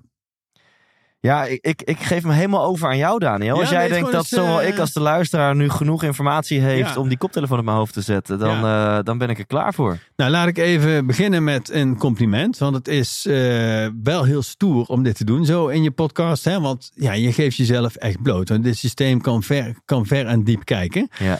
Dus dat is eh, niet iedereen voorbouwd. Dus dat zegt wel iets over jouw kwetsbare kracht. Ik vind dat heel gaaf, heel mooi. Dus daar wil ik je even een compliment Nou, voor geven. Dankjewel. Ja. Eh, nou, mag je die koptelefoon opzetten met Ja. de draad aan de linkerkant. En, en voor de Dat is de luisteraar, zender, de Ja. zendkant. eh, voor de luisteraar eh, dit is wel echt het moment om ook op YouTube te kijken, want dan zie je het allemaal live Ja, dan zie je gebeuren. ook een beetje wat, wat er gebeurt. Dus nou, je hebt nu de koptelefoon op, die biofotone triggersensor. Ja, Ik heb al even jouw gegevens ingevoerd net hè, in het systeem. En nou, ik ga nu een scan doorsteden kiezen. Ik noem dat eventjes een eh, stressscan. En waarbij we een aantal eh, gebieden gaan scannen. Dat is eh, het hoofd, eh, de romp, de maag, de lever, de galblaas, je zenuwstelsel, je hersenen, nou, enzovoort. Ik ga Ja. het niet allemaal noemen. Dus die gaan we nu geslacht of selecteren. dat dan nog net niet? Die heb ik al ingevoerd. Die wil je ook meten? Oh nee. Die kan ik, kan ik zo, kan alles erbij scannen. Ja, Dus precies. dat. Ja. Nee. Nou, ik ga deze even nu eh, selecteren voor de scan. Hij is nu aan het eh, scannen. Dus ik laat hem even lekker doorlopen. En- moet ik nu iets wel of niet doen? Eh, nee, dus dit duurt even een paar minuten. Ik zie nu je maag voorbij komen. Dit is de alvleesklier, de darmen. Dus ik, we zien een aantal scangebieden voorbij komen. Waarbij je stresswaarden ziet. En of je genoeg energie hebt. Of dat je ergens mogelijk energie lekt. En dadelijk als de scan, dat duurt maar een paar minuutjes, de scan zelf voorbij is, dan eh, duiken we even meer de diepte in. En nou, dan kunnen we gewoon eens eventjes eh, kijken naar een aantal zaken. En ik zie overwegend ook wel heel veel mooie balans eh, tot nu toe. Een paar aandachtspunten ook zeker wel. Maar ehm, ook zeker wel heel veel balans. Dus heel veel organen zijn netjes eruit. Ik zie je autonome zenuwstelsel, de bijnieren zijn een beetje, staan een beetje aan. Maar laten we even kijken. Nou, we hebben nu alles. eh, oh ja, het is al binnen nu. ja, de scan is nu gedaan. Dus de scan zelf gaat heel erg snel. Ja. Hè, En ik heb nu een mini of een stressscan gedaan. Nou, anders duurt het misschien een half minuutje langer als we een hele uitgebreide scan eh, doen van het, van het hele lijf. Ja. Maar gewoon voor de demo hier is het nu Want- eh, prima. De, de, de, de, um, je hebt net uitgelegd hoe. Kan ik hem weer afdoen nu? Ja, hoor, ja, ja. Je hebt net uitgelegd ho- hoe zo'n scan informatie krijgt van mijn organen. Maar hoe krijgt zo'n scan informatie over bijvoorbeeld de postnatale fase? Eh, doet hij dat ook op, gebaseerd op feedback vanuit een bepaald orgaan of vanuit mijn brein of mijn zenuwstelsel? Hoe, hoe werkt dat? ja, dus eh, elke imprint heeft ook weer een eigen frequentie. Ah, oké. Hè, bijvoorbeeld niet goed genoeg zijn. Hè? Eh, Of denken dat, dat voorbeeld wat ik net noemde. Hè? Van die eh, moeder die dacht ik ben niet goed genoeg. Wat dan epigenetisch geprogrammeerd kan worden. Hè? Even op- Even op die denkbeeldige vriend van jou waar ik het net over had. Hè? Ja. Die En eh, stel dat, dat dat heeft een unieke, uniek frequentiepatroon. En als je die meet, en, hey, dan speelt dat patroon bijvoorbeeld van niet goed genoeg zijn. En dat kan zich manifesteren. Bijvoorbeeld als jij een pitch doet hè, eh, voor een bedrijf met drie concurrerende bureaus. Ja. En diep van binnen heb jij die programmering lopen. Van, ik ben niet goed genoeg. En je voelt je een beetje gespannen, onzeker. En zitten de andere twee, die hebben heel die programmering niet. Die hebben zoiets van, nou, bring it on. En eh, we gaan eens even lekker Ja. eh, die deal binnenslepen. Ja. Dus het komt vaak naar voren in moments of truth. We hebben bij PSV-spelers ook gezien. Hè? Dus dan, die, dan bij, met name onder stress komen oude programma's naar Ja. boven. Nou, dan is de kunst om die bewust te maken. En stap voor stap te leren omdenken. Van hoezo kan ik het niet? Ik heb het al een paar keer is me wel gelukt. En eh, weet je, ik zit goed in de wedstrijd. Ik ben goed voorbereid. Hè, dan, dan activeer je als het ware een Ja. helpende gedachte.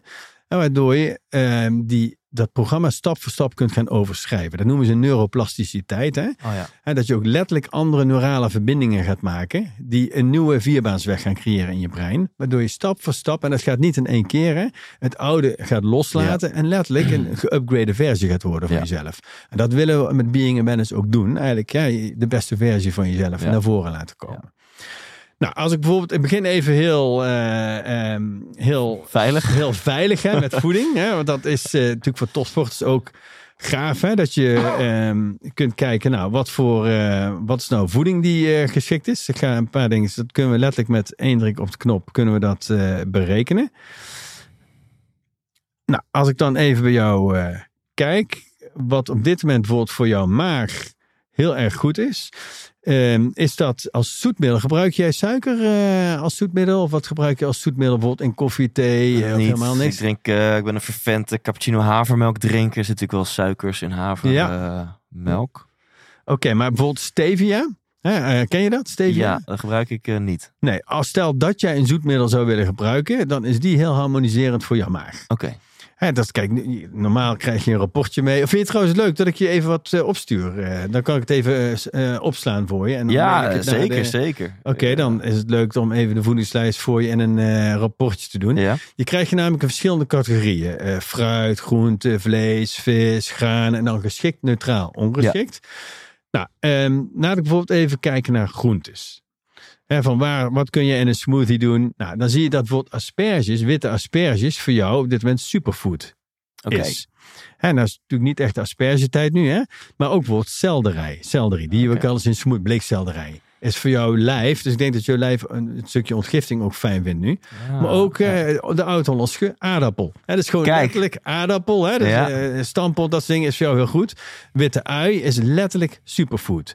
Nou, dan zien we hier allerlei dingen in het blauw zijn. Die zijn neutraal. Bijvoorbeeld pompoen, zitten vitamine, mineralen in. Heeft niet de superfood kwaliteit als bijvoorbeeld eh, die aardappel. Maar is prima. Dan gaan we ook kijken wat zou je beter niet moeten eten. Ja. Nou, dan zie je bijvoorbeeld eh, knoflook staan. Oh. Hè, dus knoflook is natuurlijk lekker, maar voor jou maag een slechte deal. Oké. Hè, dat zijn, wil niet zeggen als je af en toe een keer knoflook eet, hè, maar sommige mensen eten elke dag knoflook. Ja. Hè, stel dat jij er zo eentje zou zijn, dan is dat super belastend voor jouw maag. Oh ja. En als stel dat jij nou topsporter zou zijn, hè, bijvoorbeeld een PSV-speler of een AZ-speler, waar we dit in heel een gedetailleerd niveau, want die gaat letterlijk 10% sneller lopen. En die kan het in de 120ste minuut in de verlenging beter volhouden. Hè, voeding is natuurlijk je Formule Ja. 1 brandstof. Ja. En die topsporters, die moeten Formule 1 brandstof. Ja. Dus daar luistert het heel nauw. Hè, meer voor mensen als jij en ik volg altijd de 80-20 regel. Hè? Ja. Dus als je voor 80% je voedingslijst volgt, dan kun je voor 20% best wel een beetje freewheelen. En dan kun je eens een keer een taartje eten of een koekje of Hè, guilty pleasure hebben. Ja. Topsporters noemen we dat de 95-5 regel. Ja. Hè. Dus Ja. die Ja. moeten echt, hè, Luc de Jong die moet echt wel eh, die 95-5 regel Ik snap eh, volgen. Ja? Nou, ehm, ander voorbeeldje, bijvoorbeeld fruit. Hè, van waar zou je nou een super Nou, maar wat staat er nog meer op mijn rode lijst? Ben ik wel heel benieuwd naar. Oké, nou laat ik dan. doe je specifiek qua groenten? Nou, ik zal even Of zijn nee, überhaupt. Ik, ik eet bijvoorbeeld, laat ik, eens- ik eet bijvoorbeeld heel veel ei. Dus ik zou gechoqueerd zijn als je nu zegt ei, dan kan je beter niet eten. Oké, eh, nou dan ga ik heel even kijken ook naar je food sensitivities eerst. Dat is een andere database, want daar komt eigeel, als je er last van mocht hebben, ook eh, heel vaak naar voren. Nee, die komt daar niet naar voren bij jou. Oké, oké. Dus dat, eh, dat lijkt op zich in ieder geval goed te gaan. Dan ga ik even terug naar de andere voedingslijst weer. Dus de algemene. En dan gaan we even kijken waar wij nog meer, wat nog meer belastend voor je is. Eh, nou, bijvoorbeeld wat, microfoon, een van eh, de zo, ja. dingste, dingen die heel erg belastend voor je zijn, schrik niet, is zalm. Dat, Vind je dat lekker? ja, dat was mijn volgende vraag. Behalve heel veel ei, eet ik ook heel veel zalm. Oké. Maar die is wel eh, eh, red flagged. Ja, dus als we dan kijken, hè, welke vis dan eh, bijvoorbeeld eh, wel. Nou, is een beetje alle andere. Maar zalm en paling, dat, is, dat brengt jou dus uit je performance. Hm. Hè, dus dan denk je, ja, maar zalm is toch lekker, er zitten goede vetzuren en zo in. Ja, maar niet voor jou. Ja. Het heeft een frequentie en resonantie die jouw maag uit balans brengt, waardoor die minder goed voedingsstoffen opneemt, waardoor je minder energie hebt Ja. en ook minder mentale energie hebt en dus gewoon niet de beste versie van jezelf bent. Ja. Dat is natuurlijk zonde. Ja. En vaak bereik je meer resultaat door iets te laten in voeding dan te nemen wat Oh, goed voor je is. Omdat Ja. het belat dan, hè, dan hoeft in ieder geval niet die, eh, die verstorende factor te compenseren. Ja. Hè, iets nemen in de groene lijst is ook super, maar vooral iets weglaten geeft nog sneller resultaat. Hè, soms we zijn heel erg gefascineerd door dingen te doen, maar dingen te laten werken minstens zo sterk. Nou, andere ehm, voedingsmiddelen en dan gaan we even naar een andere categorie. Ja, precies. ook. Want dan is, dat is denk ik nog interessanter eh, voor mij en de luisteraar om ook naar wat diepgaandere levels Ja. eh, zo meteen te kijken. Nou, bijvoorbeeld eh, banaan is voor jou ook nog heel erg belastend. Dus Oh. als je het hebt over een smoothie. Hè, heel veel mensen doen banaan in een smoothie. Hè, dat is altijd een mooie grondstof. Hè. Voor jou beter niet. Hè. Dat is, die is heel Ja. erg belastend Ja. voor je. Nou, dan nog één dingetje voordat we naar spannendere dingen gaan. Is bijvoorbeeld eh, vitamine en mineralen. Nou, dat is eigenlijk maar... Je zit goed in je vitamine en mineralen. Dat is één ding, die komt er heel hoog uit. Is ijzer. Heb je een goed ijzersupplement? Qua dat ik een tekort heb aan Ja, ijzer. Tekort aan ijzer. Eh, nee, ik, ja, ik slik. eh goeie reminder. Normaal gesproken slik ik Vitaly. Dames en heren, met dank aan Richard Telet. Je kent hem waarschijnlijk wel, vriend van de show. zeker. Ja, heb Dus Vitaly eh, gescand, slik ik eh, eh, normaal gesproken elke dag. Maar ik merk dat ik dat al een weekje of twee, drie eh, ben vergeten. Oké, Zit daar ijzer in, in Vitaly? dat durf ik zo 1, 2, 3 niet te zeggen. Maar eh, in ieder geval, ik zou kiezen voor een goed, goed eh, dus geen, eh, geen goed, gewoon echt een goed ijzersupplement. Ja. En dan komende maand even één per dag nemen. Daarna kun je dat gewoon één keer per week doen. Ja. Eh, er staat namelijk ook een 9 voor. Dus dat is op dit moment echt heel belangrijk. Ja. En dan zul je ook wel zien dat je meer power hebt. Want Ja. ijzer, hè, die, die distribueert natuurlijk in het bloed ook de zuurstof. Ja. Dus je hebt meer zuurstof, je hebt meer power. En dan combineren met vitamine C. Hè, en dat het beter wordt opgenomen. Dus dat is een heel simpele quick win voor jou. Ja. Nou, En om dan misschien een mooie brug te leggen, is er ook een link tussen eh, ijzer in elk geval en energie. Fysiek is er ook een link tussen eh, ja, beter in balans zijn als het gaat om de inname van ijzer. Eh, eh, en, en, en misschien emotionele of psychische ervaringen. Kan Ja, daar ook een link tussen zijn. Dus eigenlijk alles. Hè, en, en, eh, we kijken bij Being a Man is holistisch. Hè, dus fysiek werkt door op emotie. Emotie werkt door op fysiek. Mentaal werkt door op fysiek en andersom. En spiritueel. Dus eigenlijk fysiek, emotioneel, mentaal, spiritueel. Zijn, die lopen allemaal door elkaar heen. Ja. En het is allemaal wederkerigheid. Ja. Hè, dus ze beïnvloeden elkaar allemaal. Dus die ijzer zorgt dat je emotioneel stabieler bent. Eh, maar eh, jouw emotionele stabiliteit werkt ook weer door op je mentale gesteldheid en op je Ja, lijf. ja. Dus het is eh, allemaal zijn met elkaar verbonden. Nou, wat we bijvoorbeeld nu zien, ik ben even in je alvleesklier aan het kijken. ja. En daar zien we bijvoorbeeld deep emotions naar voren komen. En dit zijn vaak resonantiewoorden. Hè? Ik, ik, ik begrijp ook, je bent net verliefd. Hè? ja. Ehm, dus wat zegt het woord deep emotions jou op dit moment? Ehm, nou, behalve positief, ook, ook intens. Eh, want je vroeg mij net, en dat vond ik een hele spannende vraag, van ja, kan je al drie eh, stressoren Ja, opnoemen? Wat zijn nu Ja. die dingen in je leven waar je stress van ervaart? Ja. Dan dacht ik, oh, dit wordt heel persoonlijk. ja, En, en een van die, eh, als je dat wil, kan ik ze alle drie opnoemen. Maar een van die drie, ik moest echt even voelen en nadenken, hoe ga ik die noemen? En ik, ik heb het maar mama genoemd. Als in het, het, het- zowel het gemis van mijn moeder dat ze er niet meer is, hier op aarde dan. Mm, Als, en die is denk ik nog veel meer. Voor mij gevoel zit meer 90% op, ja, een, een, een, een ehm, ben ik wel goed genoeg? Krijg ik wel voldoende geruststelling? Ja. En eh, natuurlijk ook in de context van een relatie kom je dat Ja. nog meer tegen in jezelf. bindingsangst, hè, wat je net zei, of faalangst, verlatingsangst. Ja, exactly. Ja, Ja, Dus. Dat, dat, dat is wat ik ook. eh, dus ik, ik, ik eh, behalve de pieken. Eh, nou ja, dan ga je weer labelen. hè. Je hebt Ja. al, dat is altijd een ding in de spiritualiteit. Van ja, Ja. positieve en negatieve emoties bestaat niet. eh, want Ja. Dat is eigenlijk eh, vaak onderdeel van het probleem. Maar Mhm. behalve de euforische emoties van liefde ervaar ik bij deep emotions. Zo heet, nee, Ja, deep emotions. ja, zo werd het genoemd. Dat resoneert ook bij mij van, oh ja, de, de, de stukken van vroeger die naar boven komen. Ja, ja, en dat kan ik hier ook zien. Hè? Suppression of feelings. Hè? Ja. Eh, dus dat, dat wordt nog iets te veel onderdrukt. Hè? Waardoor de, op dat vlak de levensenergie niet helemaal genoeg kan, eh, kan stromen. En nou is dat makkelijker gezegd dan gedaan. En in, in de 25 jaar dat ik mental coach, well-being coach ben in, eh, in bedrijven. Kijk, wij leren nooit met gevoelens omgaan. En wij leren eigenlijk allemaal denken. Op de universiteit ook. Ik heb op de Erasmus Universiteit gezeten. Ik heb echt geen woord gehoord over voelen. Nou, we komen allemaal op dit planeetje om ons goed te voelen. Niet Ja. om goed te denken. Hè, natuurlijk speelt het mee. We willen ons goed voelen. Ik zeg het om jezelf goed te voelen. Moet je zelf goed leren voelen. Ja. Hoe voel ik me eigenlijk nu? Ja. En als we continu de gevoelens onderdrukken, wat ook een soort van survival strategie soms is. Hè? Niet iedereen hoeft altijd te weten wat jij ervaart of zo. Maar ehm, soms de ruimte geven aan je gevoel. En kijken, wat is de boodschap hieronder? Hè? Dan noemen we dat ook wel notice en ease. Ja. Als je merkt het gevoel op. Hè? Bijvoorbeeld, je ik zie je ook schaamte. Hè, is van, we hadden het net ook over schaamte. Hè? Dat is de laagste trilling. Ja, en, en waar, waar, waar, is er iets waar je je voor schaamt in je leven op dit moment? Ik her, schuld is wel een emotie die Ja. ik, die ik eh, herken. Eh, waar ik soms van, van schrik. Ik denk, Ja. jeetje, dat is blijkbaar een route die, ik, Ja. eh, die, die mijn brein neemt. Ja, het zit dicht bij elkaar, hè? Ja. Schuld en schaamte. Dus de, de vraag stellen en, en de- dat het uit de data blijkt, is al voor mij waardevol. Dat vanaf nu bij mij een luikje open is gegaan van, hey, ook na dit gesprek en vannacht Ja. en morgen. En, eh, oh, en welke rol speelt schaamte in mijn leven? Schaam, speelt dat een rol op gebieden waar ik me nu nog niet bewust van ben? Ja, schaamte is heel subtiel, hè? En bijvoorbeeld eh, nu met alle social media en jij ook, hè? Je, je, je staat in de picture. Hè, dus, eh, en- schaamte overwinnen is een enorme bevrijding. Ehm, misschien Hmm. heb ik wel gehoord van David Icke. Nee? Dus dat is die eh, persoon die over al die kabal, Illuminati, reptilians schrijft, hè, zes boeken. Ja. Nou, wat gebeurde er? Op een gegeven moment, hij kwam in een show in eh, Engeland. En toen vertelde hij hierover. En is hij volledig door het slijk gehaald. Volledig afgebrand. En hij was een BBC-presenter van eh, de sportshow op de BBC. En hij Ja. was ook voorzitter van de, de Groene, de GroenLinks, zeg maar, in Engeland in die tijd. Toen is hij helemaal afgebrand in die show. Die, zat allemaal over die dingen te vertellen. Maar, en, dat vond hij super zwaar. Maar later zei hij, dat was mijn grootste bevrijding. Want waar, waar wij het meeste angst voor hebben als mensen zijn eigenlijk drie grondvragen. De eerste is, houden ze nog wel van me? En dan de angst dat er niet van je gehouden wordt. Geef je ook al aan aan die met je vriendin, oh, gaat dat wel goed? De tweede is, hoor ik er nog wel bij?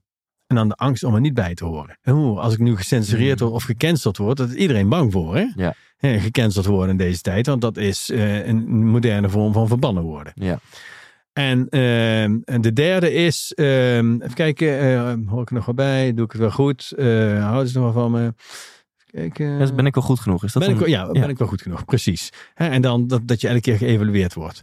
Nou, en eh, hij is daar op een gegeven moment helemaal, doordat hij zo door het slijk is gegaan, van losgebroken. En dat is eigenlijk voor hem een soort van verlichtingservaring geweest. Dus hij heeft totale vrijheid. Het interesseert hem werkelijk maar niet wat andere mensen van hem denken. Hij spreekt volledig zijn eigen waarheid. Ik ben daar nog niet, heel eerlijk gezegd. Maar ik kom wel dichter in de buurt, vergeleken met 15 jaar geleden. Maar die diep traumatische ervaring heeft hem uiteindelijk bevrijd van, wat, van de mening van anderen, wat ons bijna allemaal ketent. Waardoor je nooit helemaal zelfexpressie kunt toepassen.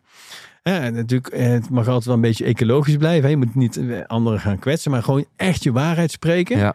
En we hebben dus straks gezien hoe belangrijk dat nu is. Hè? Nou, schaamte zit daar een beetje in verborgen doorheen. Hè? Van je schamen om voor een bepaalde waarheid uit te komen ja, precies. Ergens zit er nog wel schaamte dat ik een Tesla gaaf vind. Weet je, want ja, eh, er zit ook zo'n programmering van ja, je moet, eh, doe maar gewoon, doe je al recht genoeg. Hè? Ja, ja. Eh, weet je wel, een, een, een Seatje Altea is al oké, weet Ja. je wel. Nederland, hè, een beetje de, boven het maaiveld uitsteken. Hè? Dus vreemd genoeg, hè? dus schaamte herken ik ook wel in mijn leven. Dus vaak zit het heel subtiel. Mijn uitnodiging is dan, joh, onderzoek het eens, hè? Waar, waar dat eventueel nog is. Hè? Kijk ernaar, lach ernaar en laat het los. Dus als ik hem even rondmaak, hè, schaamte is, zou je kunnen zien als eh, angst om jezelf te zijn of angst om iets van jezelf te laten zien. Ja, ja. En, en de angst die erachter zit, dus waar ben je bang voor als je je schaamt? Stel dat je wel dat stuk laat zien of dat je dat Ja. wel oont of wat dan ook. Dan is de angst die eronder ligt een van die drie. Van wordt er dan nog wel van mij gehouden? Hoor ik er dan nog wel bij? Ben ik dan nog wel goed genoeg? Precies, precies. Dat. Ja. Ja. Ja. En die drie vragen houden ons continu in een overlevingsstand. Hey, we doen ook wel eens andere meten in bedrijven waar we de hartcoherentie meten. Ja. En er zetten we ook een aantal laptops neer. En dan zie je in een nulmeting vaak heel veel incoherentie. Stress. Hè? Eh, rood meten we dat dan. En op het moment dat mensen dus eh, een stressregulatietechniek leren, dus die schaamte of schuld of wat dan ook kunnen loslaten en een positief gevoel kunnen activeren, dat door een hart kunnen ademen, dan, dan balanceer je het autonome zenuwstelsel, je gas- en rempedaal. Ja. En dan zie je dat ze in de beste versie van hunzelf komen op dat Ja. moment. En dat is dan van stress naar flow kunnen gaan. Nou, dat is, een, dat is eigenlijk een stap voor staps proces. Hè, waar Ja. ik, als ik mezelf vergelijk, Thijs, met 15 jaar geleden. Ik was super onzeker, super faalangstig. Ehm als ik voor grote groepen sprak of zo, weet je, van 100 man of 200 man. Hè, een beetje spanning is normaal, hè, dat moet je hebben. Hè, maar ik zat echt wel in, in, een, ja, in een diepe faalangst toen. Ja. Nou, dat heb ik stap voor stap kunnen omdraaien. Hè, nou, nu vind ik dat super leuk. Zo'n podcast, dit, niks leuker dan dit. Hè. Ik vind het hartstikke leuk. Maar het was niet. Als ik dit 15 jaar geleden had gedaan, had ik hier, had ik hier super zenuwachtig gezeten. Ja. En, eh, misschien zelfs trillend. Snap je? En nu in volledig superleuk geconnect, hartstikke leuk. Maar dat kan dus iedereen leren. En dat begint weer met het bewustzijn. Wat denk ik? Wat voel ik? Is deze gedachte helpend? hey, eh, investeer ik nu niet te veel energie in schaamte of me schuldig voelen of, of wat dan ook? Maar dat is En een ik, en ik proces. ben heel nieuwsgierig en dan. Probeer niet te groot de hoe-vraag te stellen, want de hoe-vraag suggereert vaak van: oh, is er een soort van magic pill? En als ik die nu neem, Daniel, heb ik het overwonnen. Maar Mhm. probeer toch wat subtieler de hoe-vraag te stellen. Als je hiermee aan de slag wil, als ik hiermee aan de slag wil, wat is dan kip en ei? Dus wat is symptoombestrijding en wanneer pak ik het echt bij de kern aan? Dus oftewel, kan ik me focussen als ik ontdek van hé, hey, maar op die gebieden. ehm, in, in, in, in, in, in, in nou, met Tesla of werk of in, in mijn Mhm. relatie of in met vrienden of nou, wa- wat, wat het ook is. Als ik erachter kom, hé, hey, op die gebieden zit bij mij een stukje schaamte. Mhm. Ehm, kan ik dan daar specifiek mee aan de slag? Of moet je gewoon aan de slag met die drie onderliggende angsten? Van er niet bij horen, niet goed genoeg zijn of dat niet van je wordt gehouden. En dat als je die angsten onder ogen durft te kijken, dat die schaamte ook wegvalt. Dus nou, toch de hoe-vraag met een Ja. beetje eh, Ja. sturing van, van waar kan je dan aan gaan werken Ja. om daarmee aan de slag te gaan. Ja, ik ben altijd voor twee dingen. De hier en nuheid. Hè? Dus ik, ik, ik zou dingen niet gaan opzoeken. Hè? eh, Als er op een gegeven moment, als, er, als je verdrietig bent, ik noem maar iets. Hè? En je hebt de tijd om erin te duiken. Hè? eh, Als je naar je werk gaat, zal dat misschien niet kunnen. Hè? Maar als je bijvoorbeeld s'avonds thuis bent en je voelt gewoon verdriet opkomen. Nou, dan is de eerste neiging misschien, ik ga iets drinken of ik ga iets eten of ik ga een Netflixje opzetten. Alsmaar om daar niet naartoe te hoeven gaan. Instagram openen. Instagram openen, ja. Hè, dus dan is het advies, joh. Hè, heb het gewoon het lef om daar verbinding mee te maken. Hè. En emotion is energy in motion. Hè, het, is, het wil jou iets vertellen. En op het moment dat je er verbinding mee maakt, je geeft het de ruimte, dan kan het gaan stromen. Ik weet nog wel, dus, eh, ook ongeveer 15 jaar geleden, toen zat ik op een interim opdracht in een, eh, in een thuiszorgorganisatie in Limburg. En ik moest die dames helpen productiever te worden. Dus die moesten meer klikken en dit en dat. En performance management noemden ze dat toen. Hè? En, ehm, en die vrouwen vonden dat helemaal niks. En ik gaf ze die verbinden groot gelijk. Want die wilden niks liever dan die mensen helpen. Hè. Dat was, eh, nou, en dus ik zat op een gegeven moment s'avonds in een hotel daar. Want het was in Maastricht, twee uur rijden. En over, daar bleef ik dan overnachten. En ik weg me door een partijtje depressief. En ik, ik haak mezelf aan die hartsensor, hè, die ik net eh, noemde. En ik 100% rood. Dus helemaal in een diep depressief gevoel. En ik was alleen in die kamer. En ik, ja, dan kan ik wel weer er vandaan gaan. Maar oké, okay, Zavrel, we gaan erin. Ja. Bring it on. Dus ik in dat gevoel. Uh, ik zeg altijd, het ergste wat je kan overkomen is een gevoel. Hè? Dus ik erin en zwaar en heftig. En ging, wow, zo echt zware energie. En, dip. en toen, oké, okay, doorheen ademen. Wat wil je me vertellen? Wat wil je me vertellen? Nou, het was heel duidelijk dat ik daar niet op mijn plek zat. He, dat ik een opdracht had aangenomen eigenlijk voor het geld. He, eh, maar niet voor de diepere boodschap. Want ik vond het ja. helemaal niet gaaf wat ik ja. daar deed. En, het was, en, en, dan ben je geconnect met je hart. Hè? Die, energy emotion. Hè? Want je, je hart geeft dan een actiesignaal. Hè? Van joh, je zit hier niet in je frequentie. In je, in... En de dag daarna heb ik te heel vriendelijk de opdracht teruggegeven. Ik reed in mijn auto. Geen Tesla in die tijd. en ik voelde me een partij opluchting. En gewoon als een blok zo van mijn schouder. Nou, en dat, daar zou ik ook de kijker willen uitnodigen. En in, in dit geval ook jij. Hè? Dus ga het niet opzoeken. Het dient zich wel een keer aan. Hè? Dat je even in een lage frequentie zit van tegenzin of wat. Of, geen, eh, of schuld, Schaamte dus. schaamte Ja, ja. Of, eh, of tegenzin of angst. Ga erin, vriendelijk, zonder oordeel. Hè? Ik ben ook mindfulness trainer en yoga leraar. En mindfulness wil zeggen, zijn met wat er is, zonder oordeel. En we zijn vaak zo, zo streng voor onszelf. Van, Ja. Nee, geen oordeel. Het, het is wat het Wat is. interessant. Het is er. Wat Het is er. Welke kleur heeft het? Hoe voel ik het? Waar voel ik het? Wat interessant. Precies, laat ik er eens even naar kijken. Hè? En, wat, eh, en ook, het, kan pijn doen, een gevoel kan pijn doen. Hè? Dus oké, wees even een Ja. grote jongen of een groot meisje. Happatee. Gewoon, eh, mensen sterk, je kunt dat incasseren. Ga er maar in. En eh, adem er doorheen. Alsof je in en uit door je hart ademt, waarbij je dat gevoel de ruimte geeft. En luister, wat wil het jou vertellen? Waar ben je bang voor? Wat zou je eventueel kunnen fine-tunen? Wat zou je kunnen veranderen? Wat zou je misschien beter kunnen denken? Wat zou je misschien beter kunnen doen? Wat zou je kunnen veranderen? Is dat een andere omgeving? Ja. Is dat een andere benadering? Is dat een andere perceptie van het probleem? En dan kun je het langzaam loslaten. En sterker nog, dan laat het jou los, want dan wordt je frequentie hoger. Ja. Nou, en in de scan hè, kunnen we dus bijvoorbeeld, hier ziet bijvoorbeeld een affirmatie, dat is een helpende gedachte voor jou. Hier staat letterlijk, Dit- Wacht, wacht even. Ja. Ho, ho, Ik heb een koptelefoon net anderhalve minuut op mijn hoofd gehad. ja, En die scant, behalve dat hij zegt dat ik moet stoppen met zalm eten. En dat ik vooral, eh, eh, wat was superfoods, mijn selderij eh, ja mag, mag, gaan en eten. ijzer? En ijzer. eh, vertelt hij me ook dat, dat het suppressen van, van feelings, dat dat een ding bij mij is. Ja. Eh, zegt hij iets over deep emotions, zegt hij iets over schaamte. En nu komt hij zelfs met een affirmatie dus, gekoppeld aan die data die voor mij helpend zou kunnen zijn. Klopt. Ja, en wat hier nu als helpende eh, affirmatie zeg maar, wordt gesuggereerd, hè, is, het is Engels, hè? I open my heart and sing about the joy of love. Dus je mag letterlijk ook nu met je relatie, ga niet in die angst zitten van die, van die. Hè. De, de Indianen zeggen, leef alsof je nooit bent gekwetst. Ja. Vind ik een hele mooie. Ja. Makkelijk gezegd dan gedaan. Hè? Ja. Dus ga die relatie met een, letterlijk met een open hart in. En zing about the joy of love. Dus sing it out. Hè? Vier die liefde. En wie weet duurt de relatie vijf jaar, misschien een heel leven. Hè? Eh, afhankelijk van wat er Ja. mag gebeuren tussen jullie. En hoe je van elkaar mag leren. En hè, laat de energie niet stoppen. Makkelijk gezegd dan gedaan, hè? door mogelijke eh, afwijzingsangst. Ja. Hè, En als iemand afleidings, eh, verlatingsangst kent, ben ik het wel. Ik ben op mijn derde, hè, wat ik zei, in een kinderhuis Zo, terechtgekomen. En daar heb ik heel mijn leven mee te maken gehad. Nou, ik, mijn vrouw verdient de Nobelprijs. Hè, als die zou bestaan voor relaties, dan verdient zij hem. Hoe heet ze? Eh, eh, Andrea. Andrea, bij deze liefde en dankbaarheid eh, komt jouw kant op hier vanuit de studio. Dankjewel. Nou, heel gaaf, heeft ze verdiend. Hè? Zeven kinderen gebaard. Ehm, maar dat, eh, ja, die verlatingsangst. En zij is ook geadopteerd. Maar op de een of andere manier heeft zij er altijd beter mee, we- mee, beter mee weten te dealen. Ja. En voor mij was het al, ik was een enorme vlierenfluiter. Kon me nooit binden in één vrouw. Was altijd degene die het uitmaakte. Ging van de ene naar de ander. Dus, het was, dus op een gegeven moment heeft het universum heeft gewoon gezegd: Nou, pof, nu word je zwanger. Kregen we een kind. Ja, ik was als te dood.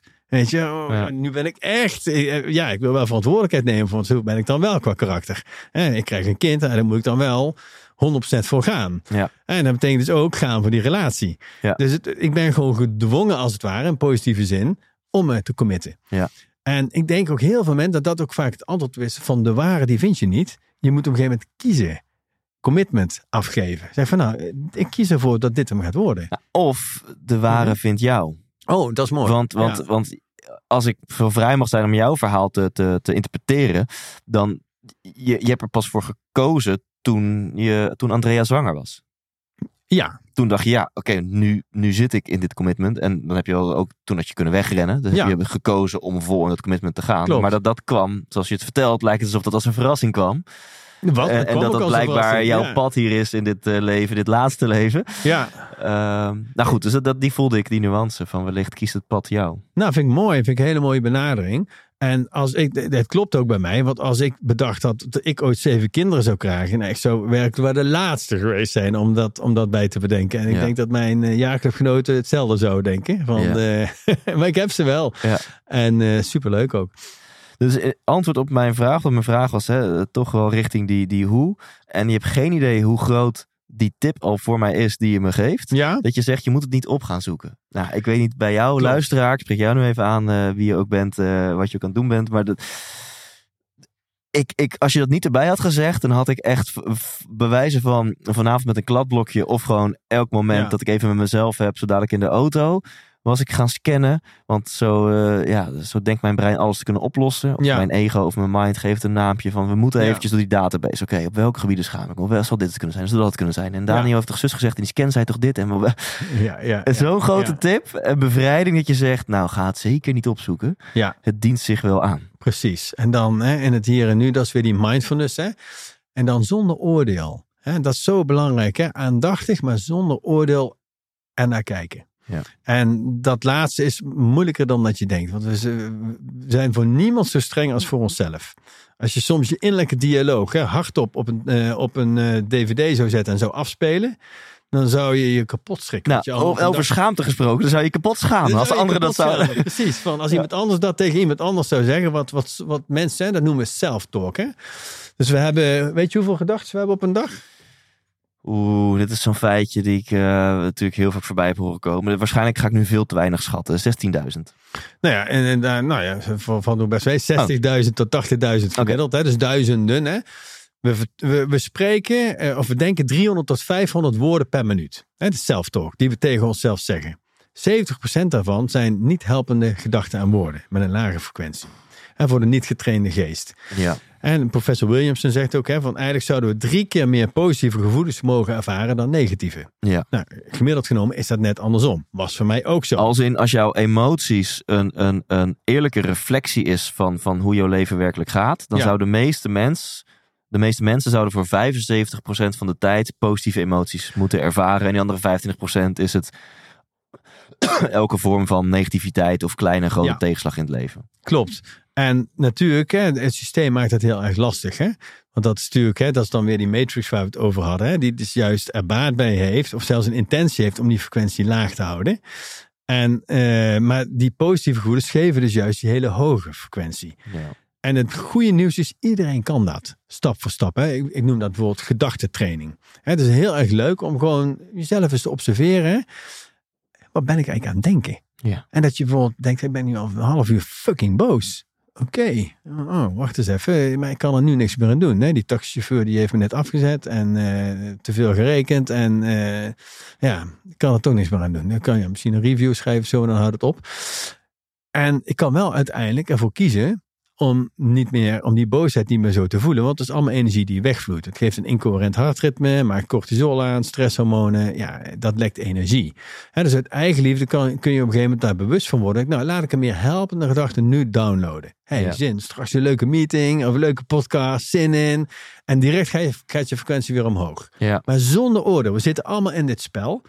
Maar het leuke is, hè, iedereen kan dit. Hè, ik ben er ja, 15 of 20 jaar heel actief mee begonnen. En het is waanzinnig om te zien, Ja. wat ik er straks zal vertellen, waar ik nu sta, vergeleken met 15 jaar geleden. Ben ik bijzonder? Absolutely not. We zijn allemaal hetzelfde. We hebben allemaal dezelfde gereedschapjes. Hè? Alleen ga je ze gebruiken of niet. De een wil het wel, de ander wil het niet. Ja. Als je het maar een beetje wil, kun je je mind stap voor stap hè, steeds meer eh, ja, sturen in de richting die je wel wil. En, en hoe verhoudt zich dit tussen ook je gevoel er laten zijn? Want als je lichaam in dat moment aangeeft, ja, maar ik voel me nu echt vet gekwetst over die opmerking van die persoon net. Of Ja. ik, ik wil je nu feedback geven, lieve jij, Ja. lieve mind, over iets wat helemaal niet goed voelt en misschien moet je een keuze maken. Mhm. En jij gaat vervolgens met je mind, nee, eh, waarom eh, denk ik zo negatief of voel ik zo negatief en eh, ik heb gewoon zin in morgen en laten we het weer positief maken. Dus, hè, dus hoe verhoudt zich dat, die positieve self-talk en het downloaden van een positievere, hogere trilling, helpendere gedachte, hoe verhoudt zich dat tussen, ja, je mag ook gewoon je gevoel en je misère er laten zijn. Ja, dus de, dus de eerste stap hè, is wat, wat, mij betreft altijd, hè, op zijn Engels heet het dan, wat ik net zei, notice en ease. Je merkt het gevoel op en je geeft het de ruimte. Ja, dus je, je gaat het niet kleiner maken, je gaat het niet groter maken. Op dat moment is die boosheid er. Ja. Of dat diepe verdriet. Ja. Dat is de eerste bewustwording. En je ademt daar rustig doorheen. En je wordt er helemaal bewust van. Nou, op een gegeven moment, als daar de ergste lading van af is, hè, als je wil, kun je dan gaan denken: Goh, wat zou mij nu meer helpen? Hè, welk gevoel? Nou, bijvoorbeeld zelfvertrouwen. Nou, dan kun je bijvoorbeeld letterlijk het woord zelfvertrouwen door je hart gaan ademen. Je daarmee vullen met de uitademing. Adem je zelfvertrouwen uit. En dat kunnen we dan weer meten op de computer. En dan zie je dat je frequentie enorm stijgt. Hè? Ook het elektromagnetisch veld van het hart. Ik heb dat bijvoorbeeld bij Luc de Jong gedaan, met PSV. Die zat toen in een moeilijke periode, scoorde weinig. Maar die heeft daarvoor een periode dat hij heel goed scoorde. Dus we zijn letterlijk het woord zelfvertrouwen weer gaan activeren. Allemaal ook visualiseren de momenten dat hij goed in die flow zat. En stap voor stap ging hij elke cel van zijn lijf meer vullen met, die zelf, met dat zelfvertrouwen. Ja. Nou, en eh, nu eh, doet hij natuurlijk hartstikke goed, hè, zo'n tijdje zelfs. En toen, toen was al zijn droom trouwens om ooit bij Barcelona te komen. Ja. En iedereen dacht, ja, Luc de Jong is geen Barcelona-spits, hè, wat hij sec genomen ook niet is natuurlijk. Hij kwam daar natuurlijk eh, als, als pinchitter eh, vooral, omdat hij natuurlijk kopsterk is. Maar hij heeft uiteindelijk, is hij terechtgekomen bij Barcelona. Eh, ehm, en ehm, dus dat is natuurlijk hartstikke mooi dat hem dat eh, gelukt is. En nu doet hij het weer heel goed bij PSV. En dat is eh, trouwens sowieso een heel mentaal sterke jongen, Luc de Jong. En, maar we hebben dat toen gemeten, ook op de computer. Eh, en dat zelfvertrouwen werkte bij hem super sterk.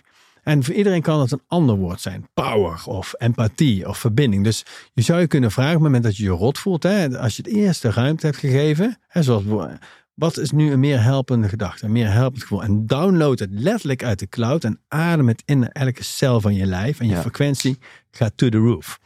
En dat kan dus iedereen. En als je dat stap voor stap doet, hè, naar die 3 to 1 ratio gaat, hè, waarbij je stap voor stap je cocktail gaat omdraaien. Ja, dan, hè, ze zeggen in de law of attraction is ook zo hè, dat je kunt alleen maar aantrekken datgene wat op jouw frequentie zit. Ja. Hè, een relatie die op jouw frequentie zit. Hè, dat, is, dat is ook heel vaak dat bijvoorbeeld eh, eh, vrouwen, zogenaamd het, eh, het foute mannen syndroom. Hè, dan hebben ze bijvoorbeeld een vader gehad die, die slecht voor ze was. Of misschien zelfs misbruik of incest in het spel is geweest. Of, of een oom of wat dan ook. En dan denken dat dat normaal is. Ja, En onbewust. dan. onbewust, hè? Dat is ja. volledig onbewust. En op die frequentie iemand aantrekken. En op het moment dat ze stap voor stap gaan werken hun eigenwaarde, van ik verdien gewoon beter, ik hou meer en meer van mezelf. En dan gaat die frequentie omhoog. En dan, hè, eh, als, eh, als, als een soort van mirakel, ontmoeten ze iemand hè, die super lief voor ze is, super behulpzaam, waar ze een zielenmaatje mee hebben. Omdat die frequentie, daar trek je dingen op aan. Hè, dat, is, dat is ook hè, waar we net over wat, wat op die eh, Design Your Dream Life retreat gaan doen eh, op Ibiza, oktober volgend jaar. Om dan op verschillende levensdomeinen te kijken, wat wil ik eigenlijk creëren in mijn leven? Hè, Ja. Hoe wil ik mijn leven designen? Ja. Nou, nog even een ding, dan kunnen we dat Ja, zo... zou nog één keer trouwens mijn zin? Want het was iets Ja? van eh, eh, eh, enjoy the uh, sing the, the love of life. Oh Of, ja, de- ga ik de- ik even- wil nog even die mooie volzin Ja, terug. uit jouw even. mond horen, als het mag. Zeker. Ja, dus I open my heart and sing about the joy of love. En is letterlijk je hart laten zingen van hoe verliefd ben je op het moment? Ja, het, het gaat nog veel verder dan dat. Ja, zo'n nou, diepe, zo'n diepe connectie. Ja. Dat, dat je er bijna geen woorden... Dat gaat nu heel romantisch klinken, lieve luisteraar. Maar dat, je er, dat het moeilijk is om de woorden voor te vinden. Wauw, dat is Ja, het mooiste. ja, geweldig. Ja, vanuit de onderbuik. Super mooi gevoel.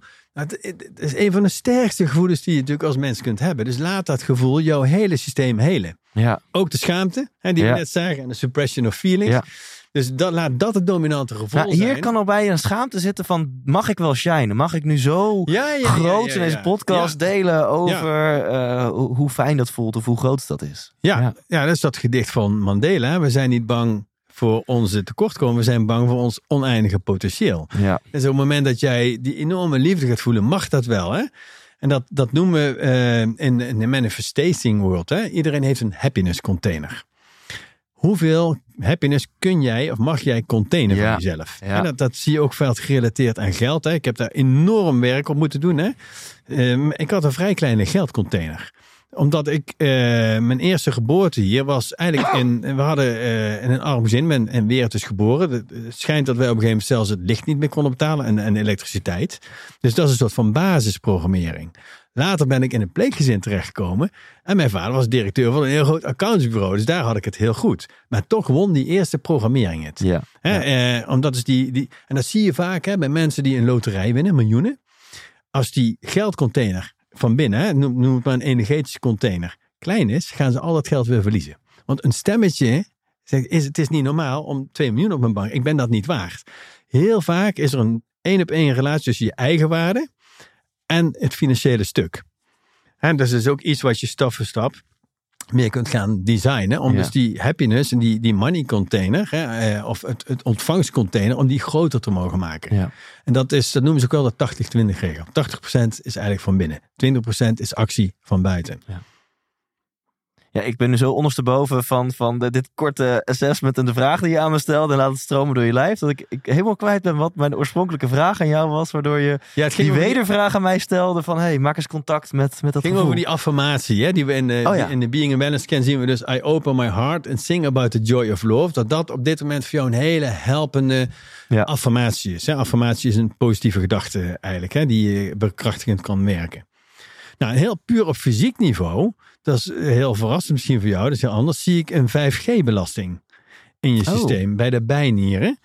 En dat is best een onderschat iets. We hebben, ik zie ook licht 4G, maar vooral 5G. Hè? Dus eh, we hebben tegenwoordig 3G, 4G, 5G. Ehm, dus de tip is dan om, ik weet niet of je dat doet hoor, je telefoon in ieder geval niet op je lijf te dragen. Eh, draag je het op, Nou, op je lijf? dit, of dit is ook weer zo eh, eh, niet toevallig dat je daarover over begint. Ik, ik heb, draag mijn, mijn telefoon altijd in mijn linkerbroekzak. Ja, Ehm, en en en ik, ik heb het de laatste tijd steeds vaker over. ehm, ja, met vrienden en met mijn vriendin over. Joh, is dat die straling? Ik lees er wel eens wat over. Ik hoor er wel eens wat over. Mhm. Is dat wel zo goed voor je? En moet ik Mhm. niet eens stoppen met mijn telefoon in mijn linkerbroekzak dragen? antwoord is acuut die telefoon verwijderen uit je linkerbroekzak. Hè, op basis van heel veel wetenschappelijke studies. Hè, met name het Karolinska Instituut in Zweden. Hè. Zij hebben berekend dat wij vandaag de dag 1 quadriljoen, ik weet niet precies de term, meer straling hebben dan 100 jaar geleden. Dus het was een 1 met 18 nullen. Dus het getal weet ik niet meer precies. Quadriljoen of, eh, nou, Ja, veel. Heel veel. En ehm, dat is ons, onze fysiologie is daar nog niet aan gewend. Bijvoorbeeld de spermaproductie van mannen nu zit op een kwart van onze opa's. Holy moly. Ja, dat is heel Door die fucking telefoon dicht Door bij je fucking- balzak. Ja, zit, als jij die in je linkerbroekzak Ja. doet, waar zit die? Bij jouw teelballen, bij je prostaat. Dus die zendt continu een elektriciteit, het is een elektromagnetisch veld. En eh, bij jou zie je de bijnieren een beetje belast. Ik heb jou, ik ik denk, heb jou jij gaat nu over mijn ballen beginnen. die heb je... ik niet gescand. Oh. Die kan ik natuurlijk wel scannen. Oh, nou, Wil je dat doen? Ja, dat wil ik zo meteen wel doen, ja. Nou, even de kop. Oh, we gaan het nu doen. Oh, god. scannen we die even mee. Oké, dames en heren. Spannend. dus ik ga nu je onderlijf eh, scannen. Ik, eh, ik zit er klaar voor. En nou, die gaan we nu dus eh, scannen. Nou, dan eh, zie je inderdaad een belasting bij de prostaat. Dus ik ga, het je, nu, ik ga nu even het scherm omdraaien. Ja? Dat je het ook echt kunt zien. Ja? Ehm, zie je, dit is de prostaat. Dan zie je Ja. al die vijven en zessen. Hè, een, een vijf en een zes wil zeggen een behoorlijk zware stressbelasting. Een acute stressbelasting. ook. Bij mijn ballen.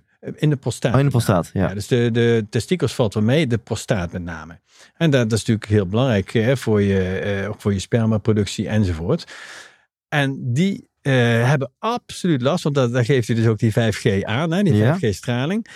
En dus een heel simpele quick win voor jou is die telefoon niet meer op je lijf dragen. Ja. En zeker niet daar. Ik meet ook wel eens bijvoorbeeld bij het hart. Hè?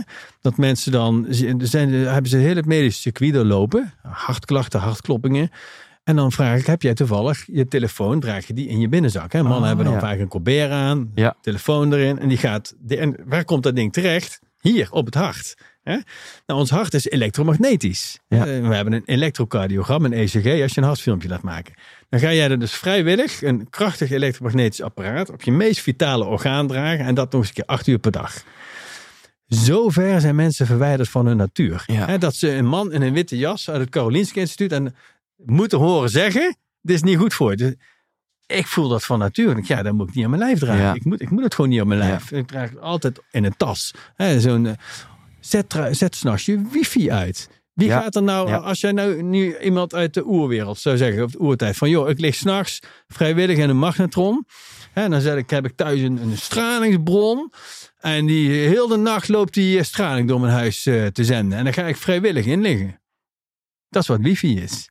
Dus ik Zet zet uit dat ding. Als je gaat, ik, je ik gaat dacht eerst, oh, maar dat doe ik al. Ik zet mijn telefoon op vliegtuigmodus. Maar je bedoelt ook echt je wifi-modem. Dat ook echt... Ja, ja. ik zet elke avond voordat ik naar bed ga, zet ik die wifi uit. Altijd een beetje eh, ruzie met de kinderen, want die willen dan tot één uur s'nachts natuurlijk nog wifi. Dan zeg ik, nou, zet jij hem dan uit? Ja, en dan zet ze hem uit, want ook voor hun wil ik liever niet dat ze s'nachts in die wifi liggen. Ik weet hoe schadelijk het is. Ik zou gewoon, de- ik ga meteen weer naar een hele praktische oplossing. Maar ik zou zo'n timer schakelaar, dat je je wifi-router, die doe je in stopcontact. Maar dan kan je zo'n timerschakelaar tussen zetten. Wat je ook, Mhm. wat wij vroeger deden als we op vakantie gingen. Dat de lampen Ja. dan aangingen, dat er geen inbrekers kwamen. Ik weet Ja. niet of dat is een ouderwets ding. Maar als je gewoon zegt dat die tussen, weet ik veel, 11 en 7... 11 uur s'avonds en 7 uur 's Ja, dat ochtends. Gewoon dat die, daar hoef je niet meer aan te denken. Dat die gewoon Oh, dat automatisch... is misschien voor mij ook nog wel een uit, eh, ja, gaat, ben ja. je de ingenieur, hè? Ja. Wat ik even kan doen voor je, Thijs, is die prostaat even balanceren. Dus dat, Oh. dat, eh, doen we met, eh, met zeg maar positieve benchmark frequenties. En dus dan ga ik even één niveau dieper. Ga ik nu scannen hier zo in die prostaat. Ja? En dan ga ik die even, hier zie je ook zo'n vijfje zitten. Hè? Dan ga ik die met eh, een protector. Dus we kunnen ook interventies doen vanuit deze technologie. Ja, de bewustzijn is natuurlijk altijd het belangrijkste. Ja. hè. Je heeft dat ding niet meer bij je dragen, is de eerste ingreep. Ja. Hè, maar we gaan nu ook ondersteunen om die, om die prostaat weer terug meer Ja. in zijn kracht te krijgen. Doe ik net zolang totdat die curve rechts Maar onder... dan moet ik dat koptelefoon weer opdoen. Dus als je die met de linkerkant... Ja, Ja, dus dan gaan we dat weer nu... eh, Ja. En dan stuurt hij dus niks anders dan helende lichtfrequenties, biofotonen op die frequentie hè, van de bijnieren Ja. toe. En om dus die bijnier weer in de juiste spin te krijgen, de juiste draairichting zou je kunnen zeggen, Ja. weer in zijn optimale frequentie. En doen we net zolang totdat hier rechtsonder die curve mooi in balans komen. Oh ja, ik zie een rode lijn en een... Oh, balancing complete. En een blauwe lijn. Ja, en die komen steeds dichter bij elkaar, zie je. Hè? Ja. En dat doe ik zo een paar keer. Dus dat heeft even wat werk nodig vanuit Ja. die technologie. En die komen steeds meer in balans. We komen nu bijna bij de perfecte frequentie voor de prostaat. Hè? Nou, Kijk. Het is je mannelijkheid, hè? Het is je diepste Nou. mannelijkheid, je prostaat. Ik had het er eh, laatst nog met iemand over. Dat, dat ik, ik zie mijzelf in de toekomst wel iets doen met, met, met mannelijke energie en mannelijkheid. Ik weet niet of dat mannen cirkels of retreats gaan Ja, zijn. gaaf. Het is Oh, geen ja. manifestatie, Ja. maar meer een soort van gevoel van... Hey, ik- het voelt alsof het daar wel een keer naartoe gaat. Met, met, Ja, tof. eh, eh, en we hadden het er net al over dat ik nu heel erg vrij ben in, in waar ik mijn Ja. tijd aan besteed. ja, Want ik niet meer actief ben in mijn bedrijf. Dus eh, nou, ik kom er even op als jij het hebt over, over ja nou, mannelijkheid. dit, is, dit is letterlijk. Hè? Dus kijk, hier zien we nu ook 46% verbetering in die prostaat. En ehm, nou dan, wat, we ook vaak doen in die trajecten, hè, bijvoorbeeld sessie 1, sessie 5, of wat ik zo eh, straks op die eh Ibiza retreat ook doe, dan gaan we het begin meten en na twee maanden nog een keer om de progressie te meten. Als je steeds meer je leven hebt gedesigned, hè, zoals je het wil. Ja. Hè, ehm, nou, en dat, eh, dat is heel mooi met de voor- en nameting. Maar je ziet nu al, in acute zin, is die prostaat met 46% opgeklaard. Dat noemen we information medicine. Ja. Hè, en we kunnen ook eh, bijvoorbeeld allerlei chips maken. Dat zie je hier. Dus dat dingetje, hè? zie je die? ja.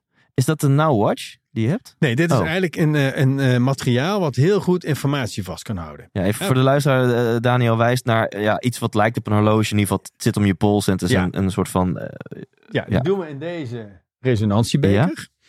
En daar kunnen we elke helende frequentie opzetten. Dat kan zijn, Ah, oké. een, eh, bijvoorbeeld stel dat jij, ik laat even kijken of bijvoorbeeld een eh, micro-organisme daar in de weg zit. Laat ik eens even kijken of dat het geval is. Hier zitten ook alle micro-organismen, virussen, bacterietjes eh, in. Nou, daar niet. Kijken of ik er ergens eentje tegenkom. Even. Nou, hier zie je bijvoorbeeld in de lever zit een hele lichte belasting van de chlonorgis sinensis, hè? dus de livervloek. Ehm, nou, dat is een micro-organisme die ja, een beetje de, eh, kan zorgen in extreme mate voor wat meer eh, vermoeidheid.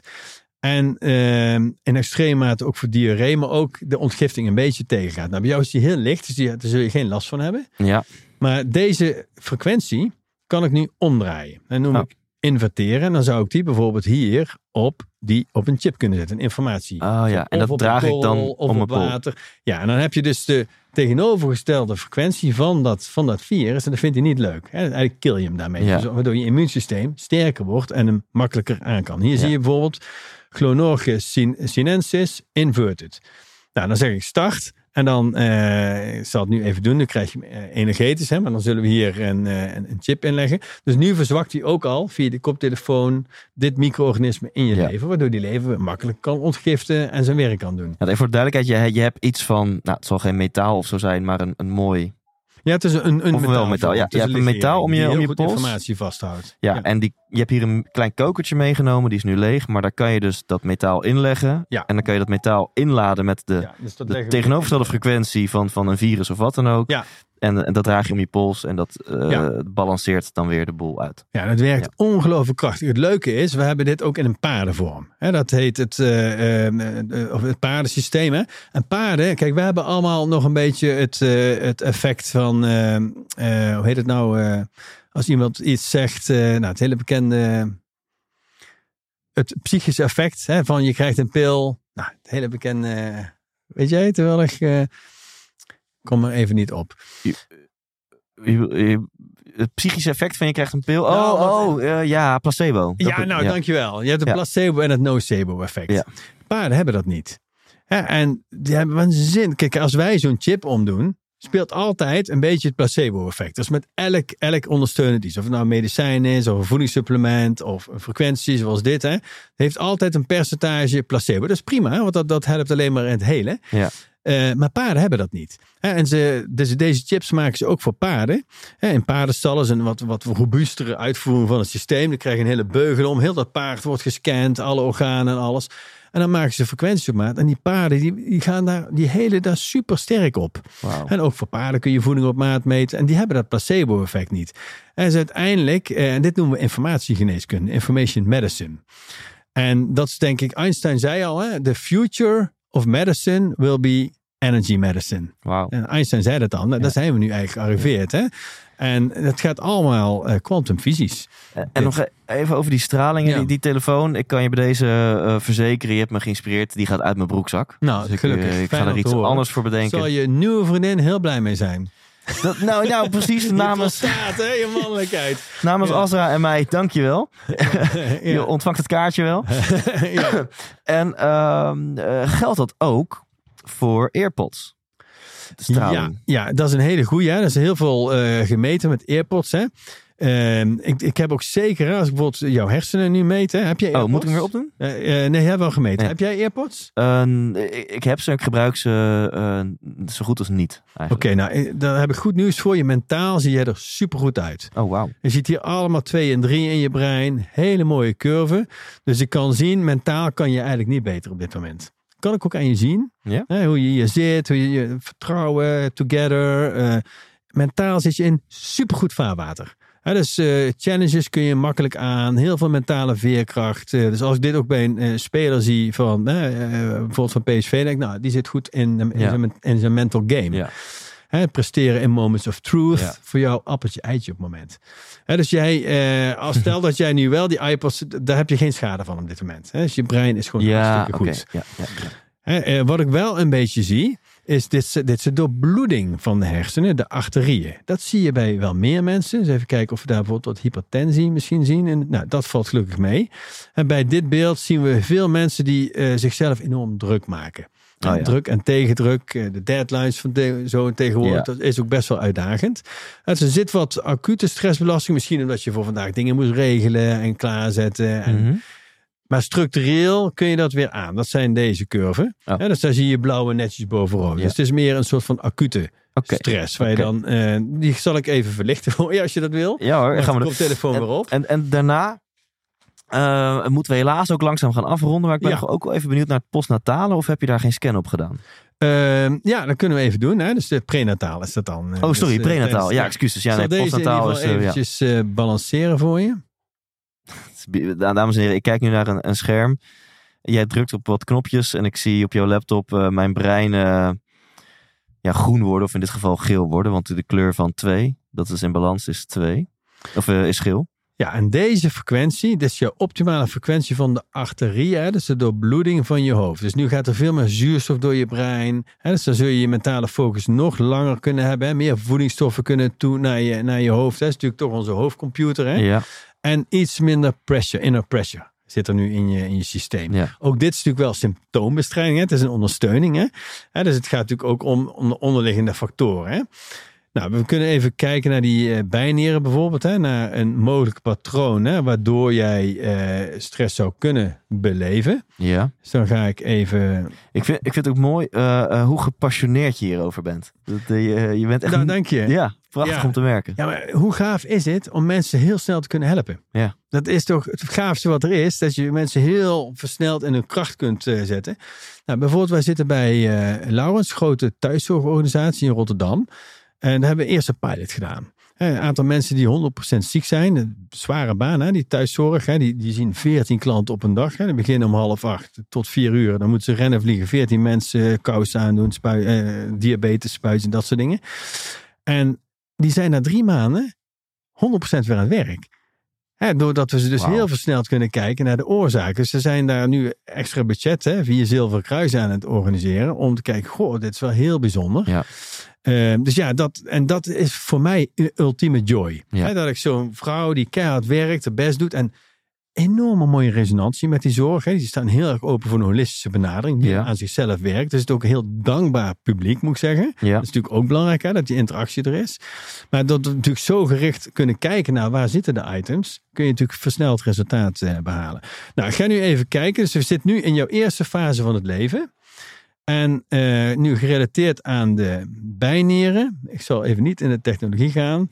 Ga ik even kijken naar wat op een onbewust niveau ehm, mogelijk kan spelen. Nou, hier is dit. Hè. Eh, dit is heel leuk. Een propensity to anarchism. Dus jij bent iemand die geen baas boven zich moet hebben. Ja.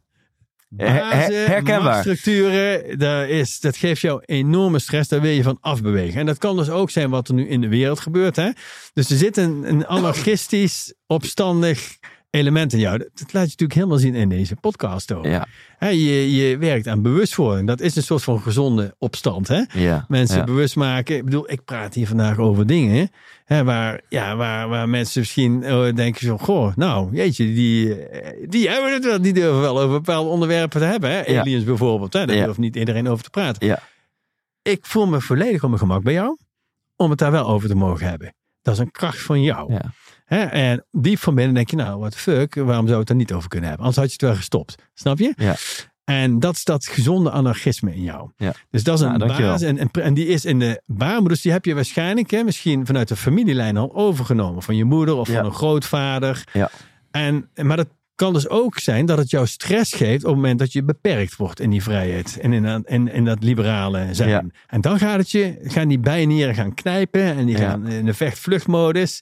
Dus dat kan ik, eh, dat is de downside ervan. Ja. Herkenbaar. Laten we het daarop houden. Ja. Ja. Mooi. Nou, ik, eh, ik zal je nog wat informatie. En dit eh, is dus die een stukje prenataal, dat je de, de- Ja, of niet? Dus dat wat, eh, eh, dit zijn Ja. prenatale imprints, hè? Ja, Eh, die je stap voor stap, hè, waar je, eh, als je daar bewust van met je voordeel mee kunt doen, Ja. hè, en de downside kunt afzwakken, Ja. hè, door ja, gewoon bewust worden dat het je patroon is, je filter, waardoor je soms de wereld inkijkt. Ja. En zo kunnen we dat voor elke levensfase doen. Maar daar hebben we veel meer tijd nodig. nee, dus dat- we gaan nu een, afronden. Maar eh, ook kort, eh, voor mijn interesse en, en ik denk van de luisteraar. Ook in het prenatale zou je ook informatie kunnen zien, zoals het voorbeeld wat je net noemde, dat een moeder, terwijl ze zwanger was, zichzelf onzeker of niet goed genoeg voelde en dat dat ook weer indruk, impact heeft op de baby. Is, is dat ook informatie die Exact, uit dat, jullie is, dat is prenatale informatie, ja. ja, ja. Als mensen nu enthousiast zijn, want ik, even ook voor de luisteraar, ik, eh, wat je wellicht wel eens merkte voor mijn stop, voor mijn sabbatical, hoe je het ook Hmm. wil noemen, dat ik heel vaak eh, producten aanprees. En daar, Mhm. daar zat dan ook voor mij een percentage op. En daar ben ik helemaal mee gestopt. Want Ja. ik wil deze podcast helemaal zuiver houden, gesprekken voeren. En je hoort af en toe wat promotie voor mijn tour, als ik eh, de theaters inga. ja. Dus, dus dit is gewoon puur voor, een cadeautje voor de luisteraar. Ik zit hier helemaal niet tussen. Maar als mensen deze scan willen doen, eh, kan dat dan via conscious.nl? Is dat de site? Eh, Via beingandbalance.nl Dat is in dit being geval. Oh ja, excuses. Dat is via En- beingimbalance.nl. Ja, en omdat natuurlijk dit wel bewust publiek is, eh, en willen we ze dan ook heel graag wel eh 30% korting geven. Ja. En eh, ja, om versneld weer in balans te komen. Dus als we daarmee mensen kunnen helpen, bepaalde luisteraars die Ja. hierdoor getriggerd zijn, dan zijn ze van harte welkom met een goede korting, Ja, inderdaad. beingandbalance.nl. Ja. Kan je nu al een couponcode improviseren die jij later werkend kan maken? Of moeten we dat Eh, eventjes... ik denk eh, dat we eh, 100% inspiratie. Gewoon, Ja, doen we hè, 100% dat is de inspiratie. inspiratie podcast. eh, dat, dat is de code. Ja, dus gewoon 100% inspiratie zonder podcast. 100% inspiratie. Inspiratie, ja. Daarmee heb je 30% korting. Ja, Op beingandbalance.nl. Precies. En we zorgen wel dat dat eh, eh, dan goed geregeld wordt voor die mensen. Ja, ja, en check anders de show notes. Dan zal ik het ook even in de show notes van deze aflevering zetten. Ja, Ehm, tot slot, ja, je, je doet ook retreats, maar ja, dat is misschien een andere podcast om, om daar helemaal op, op in te gaan. Maar je, als mensen denken, nou, dit is zo gaaf wat Daniel vertelt. En ik hoor een paar keer Ibiza en retreat voorbij komen. ja. Eh, ik wil het ook niet te ingewikkeld maken, maar is dat ook beingabalance.nl of is dat dan weer conscious.nl? Dat is conscious, Ja, ja. conscious.com is .com, dat. Daar ja. vind je alles over de Ibiza retreat. Kijk, en misschien daarom, dat, dat is ook een beetje jouw gebied. Wat we daar gaan doen. Kijk, alles wat je hier om je heen ziet is ontworpen. De tafel waar we aan zitten. Deze microfoon, die laptop, alles is gedesigned. En dus waarom zou je ook niet het allerbelangrijkste in je leven, je eigen leven, ook niet kunnen designen? Nou, vandaar de retreat, hè, Design Your Life. Hè, waarbij je gewoon eh, in een super gave omgeving. Ken je Six Senses op Ibiza? Nee. Ja, dat is waanzinnig gaaf op het noorden van Ibiza. En dat vind ik nou een hele mooie combinatie tussen spiritualiteit en materie. Ja, het is luxe, het is gaaf, het is mooi, maar het is één grote spirituele ambiance. Een enorm yoga deck heb je, anti-aging barren. Eh, Je hebt daar nu het Alma Festival hè, met allemaal meditatie. Het is waanzinnig. Dus die heb ik heel. En ze zijn super selectief wie daar retreats mag geven. Dus ik ben hartstikke dankbaar dat ik daar die eh, Ja. Design Your Dream Life retreat mag geven. Dus oktober volgend jaar pas hoor. En dan gaan we dus op, op 12 categorieën van je leven. Ga je letterlijk naar binnen, soul searching, je leven designen. En want als jij je leven niet gaat designen, kom je heel snel in het design van iemand anders terecht. En je baas, je partner, Ja. relatie. Dus we gaan dan kijken, hoe zou jij, eh, ik noem het je spirituele leven willen ontwerpen. Ja. Je karakter, eh, je intellectuele leven. Hè, wat wil je aan podcasts, wat wil je aan dingen nog leren? Hoe zie je je ouderschap? Hoe zie je je relatie? Daar denken vaak mensen niet over na. Ja. Het, het, het gaat maar voor. Maar je kunt ook letterlijk, daarom is het ook heel gaaf voor koppels, hè, om samen je droomleven te gaan designen. En wat wil je dan in de relatie? Kun je daar, durf je daar ook met elkaar over te praten? Ja. Op alle vlakken, ook het seksuele. Bijvoorbeeld de ontwikkelaars van Livebook, Jon en Missy Butcher, hè, die ook in dit programma wat iedereen dan krijgt. Die hadden op een gegeven moment, eh, zaten een beetje op een dood moment in hun relatie. En die hebben gezegd, we gaan elke maand, kleden we ons super mooi aan voor elkaar. Gaan we naar een hotel en hebben ze hot en steamy seks. Zijn zijn woorden, niet mijn woorden. eh, Ja. Nou, en dat is, zit in hun live design. Dus Ja. dat doen ze dus elke maand. Gewoon even een stukje inspiratie voor de luisteraar tussendoor. Ja. Ja, inderdaad. En nou, weer een tipje. Hè. Gaan Ja. eh, zorg dat je het leuk houdt in je relatie. Maar ook eh, in je financiële leven of in je carrière. Dus heel bewust. En daar maken we een levensboek van. En moodboards en al. We doen restorative yoga. Dus je gaat heel diep naar Ja. binnen. Met een verversing. Eigenlijk een nieuw design voor, eh, voor je leven. En dus dat is wat we daar willen gaan doen. En tot slot dan een kritische vraag. Want design your life, het kan ook iets hebben van manifesteren. Kan Ja. ook iets hebben van, oh, ik, eh, ga, ja, om het heel negatief te maken, iets arrogants hebben. Van, oh, ik ga Ja. gewoon mijn iedere levensstijl, Ja. wat, wat voor mij perfect is.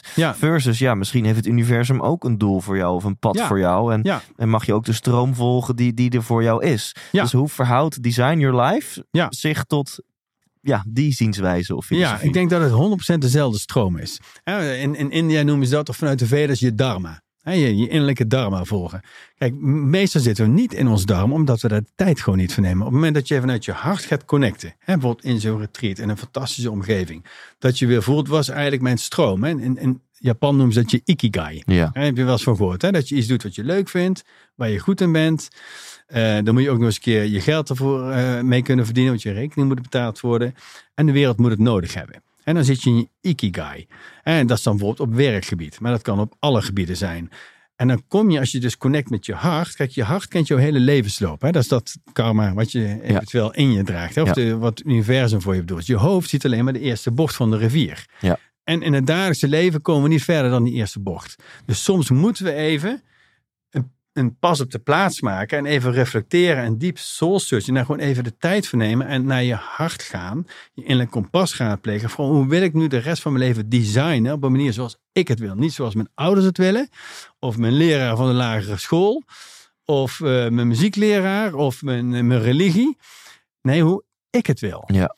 Nou, en daar gaan we dan heel diep naar kijken. Hoe wil jij je leven designen? En dat is niet helemaal super Amerikaans, helemaal niet. Hè, gewoon lekker nuchter, dat lekker gaan designen, maar wel met een plan Ja. wat heel veel energie geeft voor de, voor de rest van je leven. Ik heb mijn liveboek daar liggen, in die blauwe map. Hè. Ja. Dus, en het is super leuk om te doen. Als ik nu kijk naar mijn leven en wat ik zeg maar vijf jaar geleden heb gedesigned, 90% is nu. Ik zit in het huis, hè, wat ik eigenlijk helemaal Ja. voor me zag. Hè, eh, heel erg duurzaam en dat soort dingen.